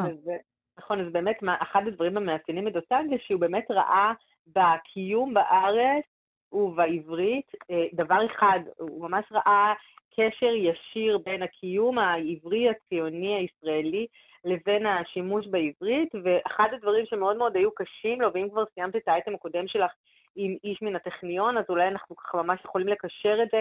אה, אה, מבחינת דותן, מלחמת השפות שהייתה ב-1913, אה, גם, אגב, בטכניון, שאז רצו המורים ללמד שם בגרמנית ולא בעברית. אה, זה בדיוק הדבר שמאיים עלינו. אה, הוא הביע את דעתו באופן מאוד נחרץ כשהאוניברסיטה העברית החליטה לעבור ללמד באנגלית הרבה מאוד מהלימודים בה, והוא אמר שעיקר הבדיחה כאן זה שהאוניברסיטה המכונה העברית תלמד באנגלית, והוא אפילו, והוא אפילו העמיק ואמר שלא רק האנגלית עצמה היא הבעיה שלנו. זאת אומרת, זה שאנשים מלמדים היום באנגלית, וזאת בעיה, זאת בעיה, אבל מעבר לזה, אולי הדבר המאיים יותר, שצריך... חדירה אל תוך העברית. הוא העובדה שאנחנו בעצם מדברים עברית-אנגלית היום. כשאנשים אומרים, אה, וואי, זה ממש עושה לי שכל, או כשאנשים אה, אה, אומרים למשל, אה, הוא ניצח את המשחק, או כשאנשים אומרים, הוא, ניצ... הוא שרד את השואה, אלה, אלה אנגליות, אלה אנגליזמים אה, ברורים. כן. צריך לומר, הוא ניצח במשחק, צריך לומר, הוא שרד מהשואה, צריך אה, אה, לומר, אה, אה, למשל, אה, אנחנו למשל לא צריכים לתת שמות מבחינתו, לא צריך לתת שמות לועזיים לכתבי עת או לעיתונים, נגיד דה מרקר מבחינתו זה נורא ואיום, או גלובס. אוקיי, okay, אבל ברגע שהמציאות היא מציאות כלכלית גלובלית, זה כמעט מחויב המציאות, ואם אנחנו עכשיו לוקחים את המשל על, על, על חוזק מול גמישות, רבים יגידו, ונדמה לי שגם יותר באקדמיה ללשון עצמה, יגידו שהשפה והתרבות חזקים יותר דווקא ככל שהם גמישים יותר, נכון? מדברים על שפה חיה? מתמודד... נכון ולא נכון. כלומר, את, את צודקת לגמרי. השאלה היא בעצם מה אנחנו מכנים גמישות. האם מעבר לשפה אחרת היא גמישות? התשובה היא כנראה לא. כלומר, אנחנו, אני, אני, אני מאוד אוהבת להביא את הדוגמה אה, בדיוק על, על מותה במרכאות של העברית, מתי העברית הפסיקה להיות שפה מדוברת? היא הפסיקה להיות שפה מדוברת כשבאזור שבו ישבו דוברי העברית, אה, אה, השפה, הלינגואה פרנקה, השפה הכללית או המדוברת הבינלאומית, הייתה ארמית, שפת המסחר הייתה ארמית, שפת הממשל הייתה ארמית. ולשם כך היה צריך להתחיל ולהשתמש במונחים ובמילים בארמית, והתוצאה הייתה שבאמת אה, אה, נאמר, רגע, אז אם המסחר מתנהל בארמית, והממשל מתנהל בארמית, והבירוקרטיה היא ארמית, אז בשביל מה צריך בעצם את העברית? בשביל ללכת לשוק, אז יאללה, בואו נדלג על הדבר הזה, וכך בעצם פסקה העברית אה, מלשמש אה, אה, כלשון דיבור. עכשיו תאמרי, אבל היום העמדה... היום הארמית היא חלק, היא, היא חלק, רציתי להגיד אינטגרלי, אבל לא נעים לי להגיד אינטגרלי עכשיו, מהעברית. פסח. אה, נכון, היא חלק אינטגרלי, אבל היא לא השפה המדוברת. כלומר, יש לנו שרידים, שקיעים, כן. כמו שאנחנו קוראים להם בעברית מן הארמית, אבל היא לא השפה המדוברת, והיום הערבי, העברית היא השפה באמת המולכת. האם בעוד 30 שנה, שכולם יעסקו כאן בהייטק לכאורה, כי זה מה שכולם רוצים לעשות, אה, האם באמת אה, העברית תוכל אה, להתחדש ולהתפתח? אני לא יודעת. אולי אני... תחזור להיות מין שפת קודש, שתשמש רק לספרות ושירה, וכל השאר יהיה במין שפת החלאה כזו לא ברורה. נכון, זאת באמת שאלה. עכשיו תראי, יש שיאמרו, מה פתאום, מעמדה של העברית הוא נורא נורא חזק ואפשר לסמוך עליה וכולי, ויש שיאמרו, אנחנו רוצים רגע להיזהר יותר. דותן היה שייך לנזהרים יותר, גם כנראה בשל העובדה שכשהוא החל את דרכו בעולם הזה, העברית עוד לא הייתה כה חזקה וכה משמשת, mm-hmm. וגם כי באמת אמ, הוא היה מאוד מדור, מהדור שאנחנו מכנים אותו הטהרנים, הדור שבאמת אה, אה, אמ, חשב שהעברית לבדה צריכה להיות כאן השפה המשמשת בכל תחומי החיים. אמ, הטהרנים אה, הם טובים לנו, הם סמנים טובים, אנחנו צריכים אותם אה, תמיד, לפחות בעיניי. אה, אנחנו צריכות לסיים את הפינה המעניינת הזו. לזכרו של פרופסור אהרון דותן. אני צריכה להעביר לך שאלות בארמית שמגיעות מהמאזינים שלנו, אבל אנחנו נעשה את זה בהזדמנות אחרת, בסדר? אפרופו. דוקטור סמדר כהן, לשונאית הבית, תודה רבה. תודה גם לך, שרונית. להתראות, ביי.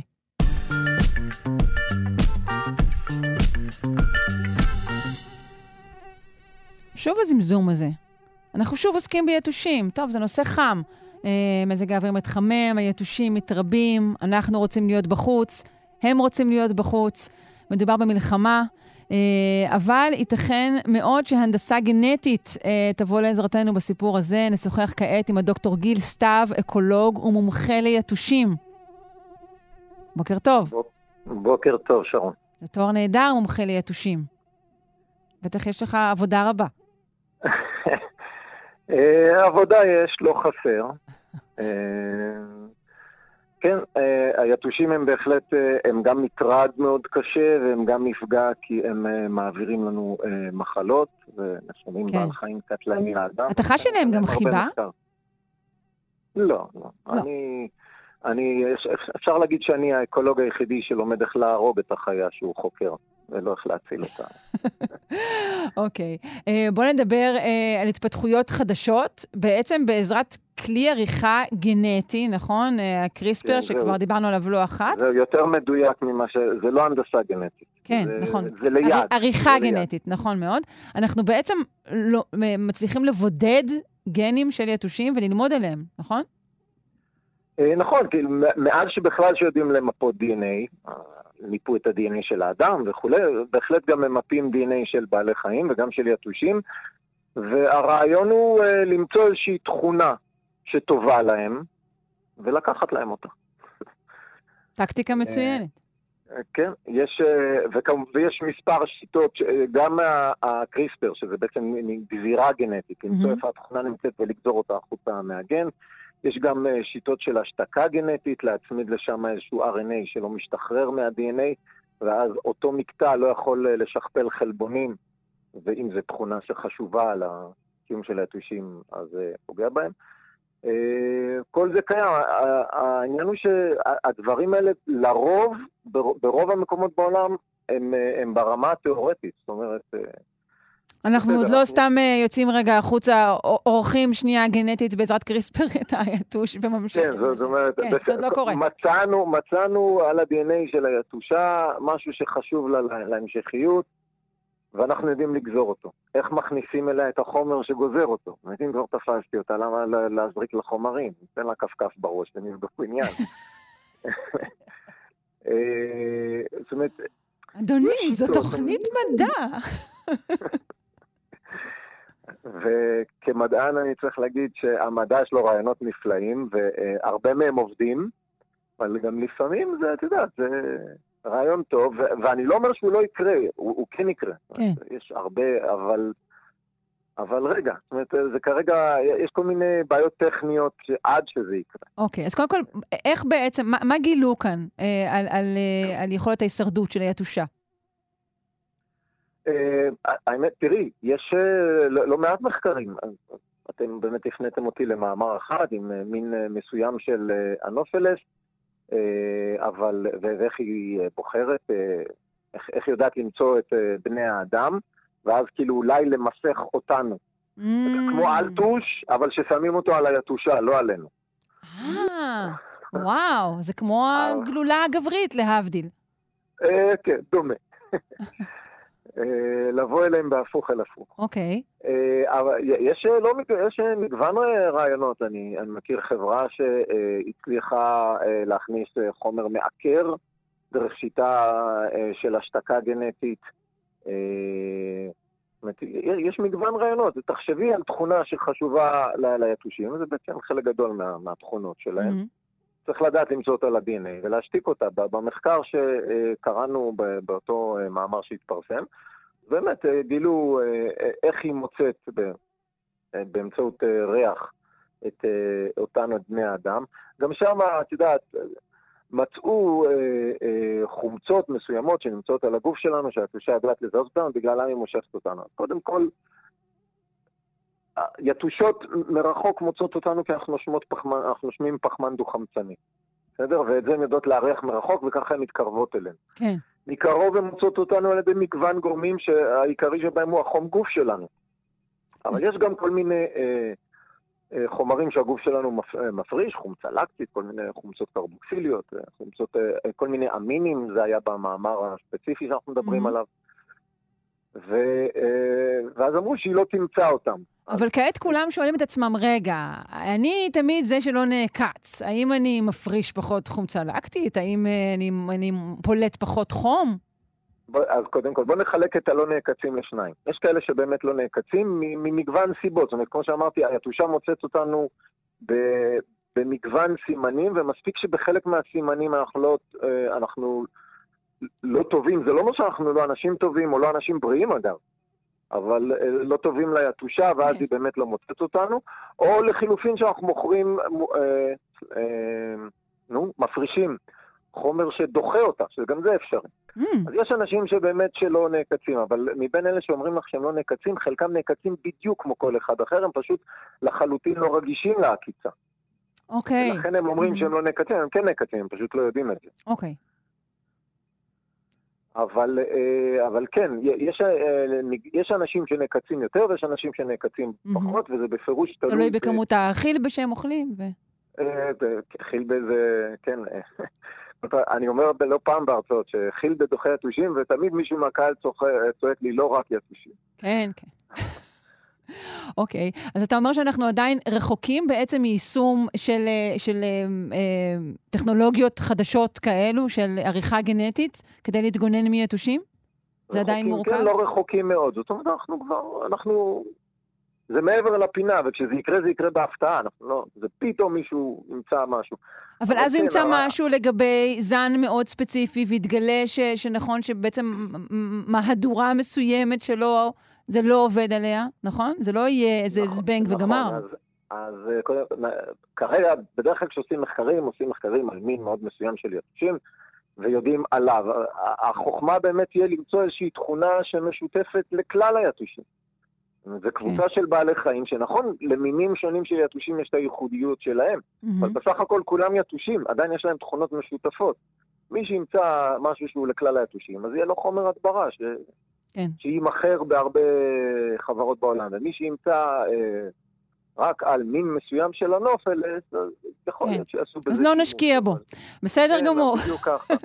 דוקטור גיל סתיו, היה כיף לדבר איתך, אקולוג מומחה ליתושים, אה, שיהיה לך קיץ מוצלח ולא מגרד בכלל. להתראות. גם לכם, שמחתי לדבר, ביי. עד כאן שלושה שיודעים להיום. אני שרון קנטור, העורך שלנו רז חסון, המפיקה אלכס לויקר, על הביצוע הטכני אלון מקלר. ניתן להאזין לנו גם בשידור החוזר בשעה שמונה בערב, או בצורה של הסכת, מתי שתבחרו. נשמח uh, לשמוע ולראות, לא לשמוע ולא לראות בעצם, אלא אתם תשמעו ותראו איתנו גם מחר. ביי.